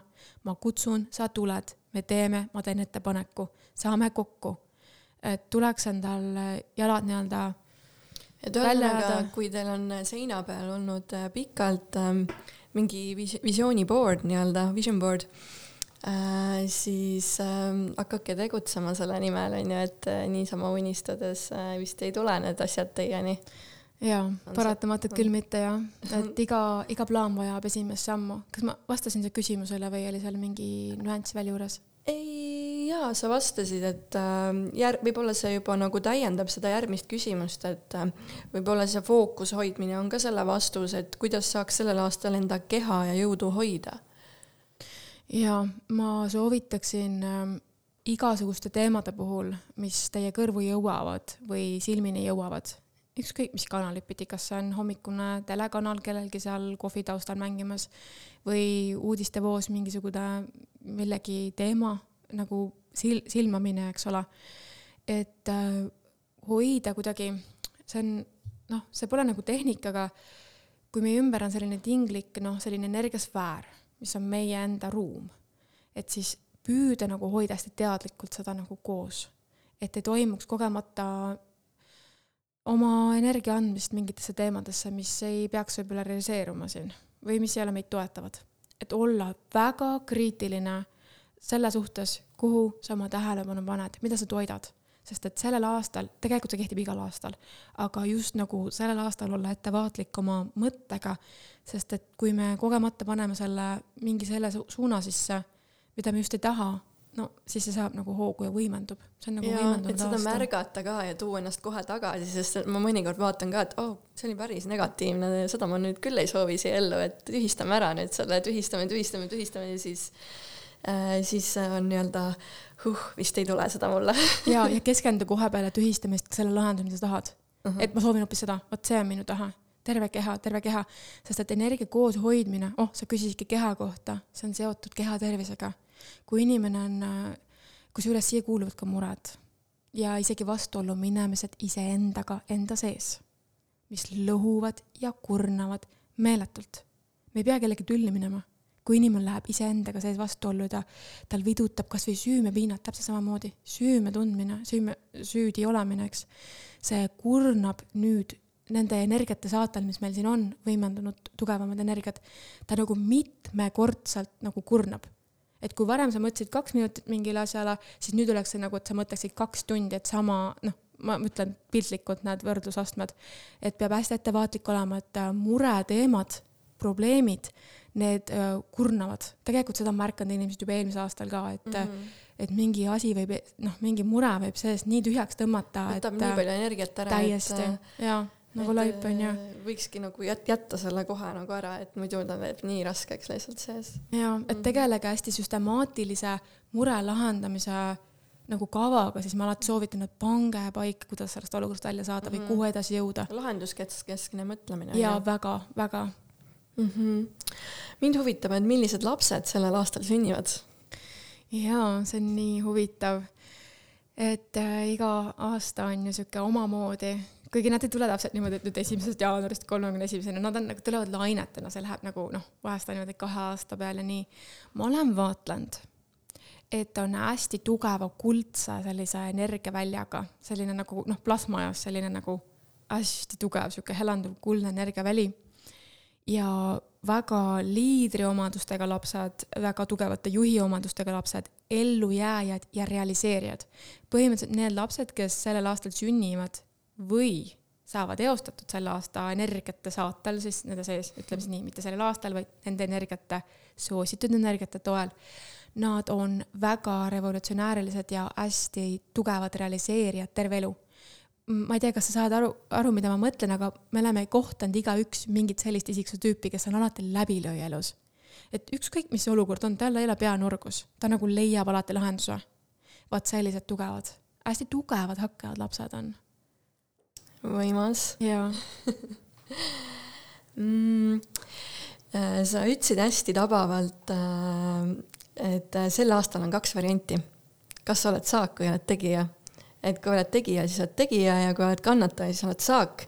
ja raske aasta saab olema neil, kes veel vanades mustrites on kinni. et ka ise siin kogenud mõningaid asju korralikult knock-out'i löötud ja, ja kuidas sina siis ähm, või noh, mida sa soovitaks, et kuidas inimesed võiksid oma mustreid muuta, et eluks, elus oleks siis sel aastal veidi kergem? jaa, alati number üks on otsida ja teadvustada seda algkohta kõige esimest algpunkti siis, kust võis see olukord alguse saada, mis on see muster, mis tekitas. ja küsida ja küsida endalt, et miks, miks ma päriselt selle pärast nagu halvasti tunnen, et kuhu see välja viib, nii-öelda nagu hundikoer või selline nagu jahikoer, kes ajab jälgi. ja jõuda selle punktini, kus tegelikult see knock-out'i situatsioon välja jookseb. tihti on see sellest elust, mingisugune lapsepõlvekogemus aga kui ma olen teinud näiteks regressiooni, õppisin noh, seda hüpnoteraapiat ja siis ma olen hästi lummuses sellest, kuidas saab inimest viia eelmistesse ellu ja me näeme samasuguseid asju, siis regressiooni käigus on tulnud välja see, et ta isegi, et see on kuskilt eelnevast elust. -hmm. ja kuna praegu need viimased aastad, see ei ole ainult selle aasta teema, see on ju meil alates kaks tuhat kaksteist, tegelikult varemgi veel, on ju kõik, mis on peidus olnud, see tuleb välja ja kõik, mis tuleb välja päevavalgele, sellega on vaja tegeleda, et ta ei lõhuks enam. et ühte külge saab ju ära lahendada need asjad. ja alati number üks reegel on ikkagi see, et kust see päriselt alguse saab, mille pärast. kas see oli õpetus äh, isa poolt, ema poolt, miks ma seda kogesin, kas, kas ma tahan tunda ennast armastatuna, kas ma tunnen, et ma olen hüljatud, kas ma olen maha jäetud, otsida üles see muster. muster on tavaliselt üks lause konkreetselt, mis resoneerub. Inimene näiteks ise võib korrutada seda. ma olen nii üksi näiteks, on ju. ma olen, ma olen maha jäetud, jälle mul tehti tünga, ma olen pettunud. nii, mis on see lause, mida see inimene korrutab enda sees tegelikult? see reedab ära selle, mis muster on. ja nüüd tuleb otsida, kust tegelikult see algas kust mind esimesena reedati, mis oli see esimene situatsioon, kus mul esimesena hirm tekkis. ja nüüd on siis äh, jälle omakorda koht, kuidas see nagu ära endast siis lahustada või lahendada või siis sellest üle saada. Ja siin ma ütleks nii palju, et kui inimene ei oska või ei ole kuulnud või puutunud kokku mingi tehnikaga, siis ma soovitan pöörduda teraapilise nii-öelda abi poole, et väga hea on konstellatsioon ja igasugused noh, psühhodraamad või siuksed teraapiavormid et teine näeb alati objektiivsemalt sinu olukorda kui sa ise selles emotsioonis ja selles noh, raskes kogemuses sees olles. sest et siin on oluline koht, et me ennast ei petaks ka, ma olen vaadanud, et mõni ütleb, et noh, ma ju eemaldasin ära, aga ikka tuleb tagasi ja ma ei ole, noh, ikka ei ole paranenud, on ju. sellised enesemanipulatsiooni meetodid, on ju. jaa, aga tegelikult isegi nagu noh, pahatahtmatu on ju näiteks inimene, kes mm -hmm. on Mhm. depressioonis hästi pikalt ja teeb seal on ju, õpetatakse tal tänulikkuse mingit tunnet esile kutsuma, no teeb, on ju, aitab seal kaks päeva, eks. aga kolmandal päeval kukub täpselt tagasi sinnasamasse, kus ta on. miks ta kukub? järelikult ei jõutud suur, juurpõhjuseni, tegeletakse ainult nagu leevendamisega. ah, mine välja, on ju, vaata öeldakse, mine korra seltskonda, noh, aga, aga mis on see päris algupära põhjus? võib-olla inimesel juhtus mingi, tuleb otsida ülesse, toome depressiooni näite kust see kõige esimesena sul avaldus, kas sa mäletad, küsida endalt, kas ma mäletan, kus mul see kõige esimesena avaldus? Ja nüüd küsida, aga mis elumuutused mul toimusid siis, kas mind jättis mees maha, äkki ma vahetasin mingit ülikooli, äkki ma kolisin teise riiki, tundsin ennast üksi. alati on sellel ilmingul mingisugune seos inimese elukeskkonnas tehtud muutustega. äkki suri isa ära või midagi juhtus, küsida endalt, mis see oli ja nüüd tegeleda sellega. Ja siin tuleks kindlasti tegeleda mingi väga teadliku teraapilise tehnikaga või viisiga, vastasel juhul me ei saa sellest tegelikult nagu lahti, sest et energiate mustrid, need on nõus näha, need on nagu võnkad. ja kui päriselt ta on nagu teraapia käigus eemaldunud, siis teda ei ole enam energiaväljas ole, olemas. seda näevad peenmaterjali nägijad, tervendajad, selgeltnägijad, tundlikud lapsed. see tuleb päriselt vabaks saada ja siis tunneb inimene muutust. kui muudatust ei tunta esimese kolme päeva jooksul, siis on see alles. Ja siis see on nagu selline lõputu ring, et käid ja otsid abi ja mediteerid ja teed seda teist, aga see ei parane, on ju mm. -hmm. mulle meeldis tegelikult, et sa rääkisid sellest terminist, endaga tegelemisest äh, ka väga hästi ühes veebinaris, et inimesed mõistavad seda tihtipeale hästi erinevalt, et mis see endaga tegelemine siis on. et võib-olla nagu seda ka veel lahti seletada sellel aastal, sest see on päris oluline, on ju. jaa, minu arust äh, nagu kui me räägime vaimsusest ja spirituaalsusest, siis see on number üks asi üldse. et äh, kuigi minu jaoks vaimsus kui sellist ei eksisteeri enam, sest et see on nii ära lörtsitud sõna mm. -hmm. et aga endaga tegelemine, tead, ma olen vaadanud, et, äh, et mõni tavaline lapsevanem näiteks või täiesti tavaline inimene, ärme, ärme isegi too seda lapsevanema konteksti siia mm. -hmm. mõni täiesti tavaline Juulimaalt on palju vaimsem kui keegi mingisugune meditatsiooniinstruktor. ja miks? sest et ta tegeleb oma sisemaailma revideerimisega ja mis see tähendab? see ongi see, ma toon näite, tavaliselt inimesed ei saa aru, kuidas see väljendub igapäevaselt siis. noh, triigid on ju pesu või siis ootad meest koju või teed oma igapäevaseid askeldusi. inimene tunneb, et tal on enesetunne halb, tuju läks ära. tavaliselt seisundi muutumise kõige esimene märguanne on see, et tuju läheb ära inimene mõtleb, et mis jama on, et ma olen üksi kodus, et keegi nagu pole midagi öelnud ja et miks siis mul tuju ära läks. või et on pidev saatav mingi mure kogu aeg. nüüd tuleb kerida tagasi sinna kohta, et kus see algas. et mida ma mõtlesin just kolm minutit tagasi. tuleb välja, et inimene läheb mõttes on ju uitama, kogeb mingid mineviku stsenaariumid läbi. nägid, sellest hetkest, järelikult on muideks see lahendamata, on midagi mul kus on mul hingeteadus kinni veel, mingi minu osa on kinni seal, mingi, mis tekitab emotsiooni ja nüüd tead, sõna otseses mõttes ükshaaval kõik need, mis sul tulevad ette, kõik, mis piinavad, kõik tuleb ära lahendada. miks mind häirib tegelikult see, et ta mul kaks aastat tagasi nii ütles? või näiteks naised on eriti meistrid, on ju, et seitse aastat tagasi sellel kuupäeval, sel kellal ütles mul mees seda, aga miks mind see tegelikult häirib? hästi palju on selliseid asju, mis tegelikult tulevad välja, mingid vanad asjad praegu. ja nüüd siis äh, endaga tegeledki, mõtlen, et noh, okei okay,, toome mingi näite, et miks see häirib no inimene ütleb, et ma ei astunud endast tegelikult välja, lõplik põhjus, miks see mind häirib, on see, et mul on paha tunne, sest et ma ei astunud sellel hetkel enda eest välja. inimene tunneb kahetsust. nii, mida sa õppisid sellest? et ma pean alati enda eest seisma, kui ma tunnen, et mul on õiglus nagu õigel kohal. kas sa oled otsustanud, et olgu see siis lahendatud? jaa. ja teha selliseid nagu kokkulepped endas, jällegi seal on tehnikaid, seal on terapeutilist abi erinevat, aga saab ka ise teha, kui on tahe päriselt sellest jamast lahti saada. ma arvan, et see oli enam-vähem arusaadav. ja, ja väga oli, et äh, ma usun, et siit said äh, paljud äh, kuulajad enda jaoks midagi kõrva taha ka e,. viimane küsimus, kaks tuhat kakskümmend kaks, et kuidas äh,, kuidas siis materiaalset edukust sel aastal saavutada um,? esiteks äh on ju, raha on kõikjal, eks, raha on alati kõikjal, tänaval, igal pool, raha, energia on kõikjal, raha on alati kättesaadav. reaalsete sammude ettevõtmine, mis siis toovad sul selle, et kas sa räägid materiaalsest nagu just nagu räägime rahast, on ju, no näiteks rahavoogude suurendamisest inimese elus, on ju mm. -hmm et hästi oluline on praegu, ma tooks siis kaks asja laias laastus. esiteks on see, et äh, astuda otse rahavoogudesse, tuua tarbija endale hästi lähedale. leida nagu viise, kuidas noh, viia ennast hästi tarbijale lähedale.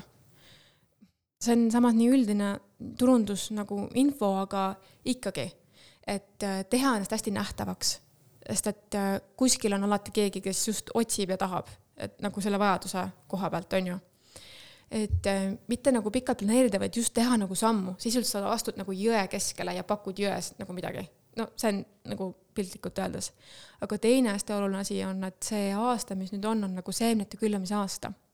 ehk siis, kui sa teed mingi projekti, algatad mingi projekti, mingi toote paned kuskile välisturule müüma, müügile või lood mingeid kontakte näiteks äh, mingi välis äh, välisturgudel olevate müüjatega või on ju, kes võtavad sinu toote müüki, siis äh, nüüd, et koheselt see raha nagu ei väljendugi võib-olla selles hetkes, aga see on nagu seeme järgnevateks perioodideks, et, et on nagu viimane aeg teha need sammud ära praegu sellel aastal, mitte viimane nagu elu mõistes, ütleme nii, et väga hea soodne energeetiline aasta selleks, et teha reaalseid toimivaid samme oma elus, realiseerida projekte ja teha need kasvõi nähtavaks. Et nad saaksid ennast realiseeruda, muidu ei saa see küllus leida vahendeid ega kanaleid, et sulle ligi tulla. et sisuliselt kõik, mis on inimese peas nagu otsinud seda loome läbi siis väljendumist, mida ta tahab pakkuda või teha, nüüd tuleks see reaalselt füüsilisel kujul ära valmis vormida ja nähtavaks teha mis tähendab veidi pingutamist, et see kõik nagu lõpp-produktiini noh, ära teha ja nähtavaks ka teha. muidu on lihtsalt nagu mingi briljant, mis on sul sahtlis ja on ju, teeme asja likviidseks, et nagu asjade likviidseks tegemine. Sellega tuli mul meelde, et äh, Facebook ütles mulle, et mis mind siis see aasta nagu äh, ees ootab ja seal oligi ainult, et äh, töö, töö, töö, töö, töö ja siis lõpus oli, et rahaline vabadus. Et oi, kas Facebook on ennustajaks hakanud ei, päris hästi, tegelikult noh, jah, töö on mõistlikus koguses ja äh, väga kõrgete visioonide realiseerimiseks väga hea abivahend siiski, et ilma tööta, noh, ma ei ütle, et saaks, noh, tegelikult töö on mõistlik mm. -hmm. lihtsalt me ei pea olema nagu vanal viisil orjad, aga töö on realiseerimiseks hea vaheetapp või platvorm jah, ja kui see on nagu sinu unistus ja sinu sisemine nagu soov ja tahe on ju seal taga, see energia, et see on hästi oluline ja ja mis on oluline, mida inimesed äh, saaksid enda jaoks ära teha, et nagu me, eh, taha, põhiline ju, mis me soovime, ongi, et me kõikides eluvaldka-, eluvaldkondades oleks tasakaal, harmoonia, et millist seisundit võib-olla inimene peab endas looma ja hoidma, et see kõik saaks nagu sellise väljundi, on ju. jaa, oli see küsimus või, et millist seisundit, on ju? Või, aa, või ja. sa üldiselt ütlesid, et millist asi on ei, sa võid vastata ka, jah. mul tuli, kui sa rääkisid, siis mul tuli kohe tänuenergia mm. -hmm. et huvitav on see, et, et kui tänuenergia saadab inimest nendes eluvaldkondades püsivalt, siis ta on sellises hästi kerges loomevoolus nagu sees. aga et noh tänuenergiat on lihtne blokkida noh, ei noh, enda näiteks süüdistamisega või mingi see, et ma ei saa hakkama või noh, mis iganes mm, -hmm. nagu mhm. kõik blokeerivad energiat. et tänuenergia on selline hästi universaalne, lihtsasti integreeritav energia inimesele, mis äh, kõikides eluvaldkondades aitab hästi libedalt sellises voolamises liikuda. nii et, nii et rohkem tänulikkust sellel aastal, jah? jaa väga vinge, me oleme peaaegu kaks pool tundi rääkinud ja ega väga ei olegi siin enam, küsimused hakkavad vaikselt otsa saama. et äh, need kolm raamatut mul siin ees praegu on, et äh, kas neid raamatuid on veel võimalik kuskilt saada, et kui mõni kuulaja on huvitatud? Esimesed kaks on täiesti läbi müüdud ja neil hetkel ei ole näha küll, et lisatrükki tuleks, et need on sellised teekonna kajastamise omal ajal olnud nagu siuksed teosed. aga saadaval on veel äh, intuitiivsed uuestu lapsed, selline praktiline nõuanderaamat, kus on hästi pikalt ja laialt siis käsitletud äh, kõike sellest, mis me praegu rääkisime, puust ja punaselt, et see on täiesti saadaval. minu arust Apollos vist peaks veel olema kui on huvi uue aasta laste kohta lugeda ja tegelikult see on kirjutatud ka nii-öelda uue aasta inimese kontekstis, mitte ainult nagu laste. et sa alguses ise tegelikult peegeldasid ka seda, et ülitundlik, empaatiline inimene, mis siis temaga toimub. jah, jah, just. Äh, aga on sul veel endal midagi lisada, mida tahaksid võib-olla kuulajatele lõpetuseks öelda ja meelde tuletada? ma arvan, et palju sai kajastatud, aga ma ütleksin kõigile, et äh, hoidke ennast äh, mitte ainult kehaliselt, vaid mõtteliselt ja energeetiliselt ka. hoidke ennast, sest te olete olulised ja vajalikud ja mina otsisin ka ühe lause välja Marillise raamatust, mis nagu mind väga kõnetas ja võib-olla nagu siia saate lõppu äh, hästi sobib. et äh, sinu tänastest otsustest ja mõtetest sõltub teadlik panus äh, inimkonna kollektiivsele ärkamisele ning liik-, liikumine kõrgema platvormi suunas. Et mind need tõesti nagu panid need igal juhul väga nii-öelda aukartust ja enda suhtes hästi vastutust võtvalt käituma, et äh, loodan, et äh, ka sina said siit midagi endale ja, ja armas kuulaja, anna teada, keda sa sooviksid äh, külalisena järgmisena kuulata ja ja kõik tagasiside, uued mõtted, koostööpakkumised on äh, vägagi teretulnud.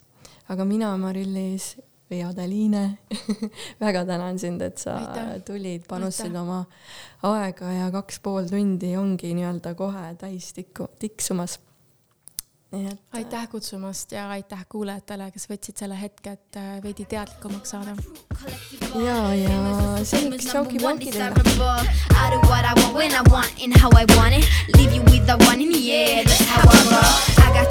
I'm my true collectible. Famous, also famous, number one desirable. I do what I want when I want and how I want it.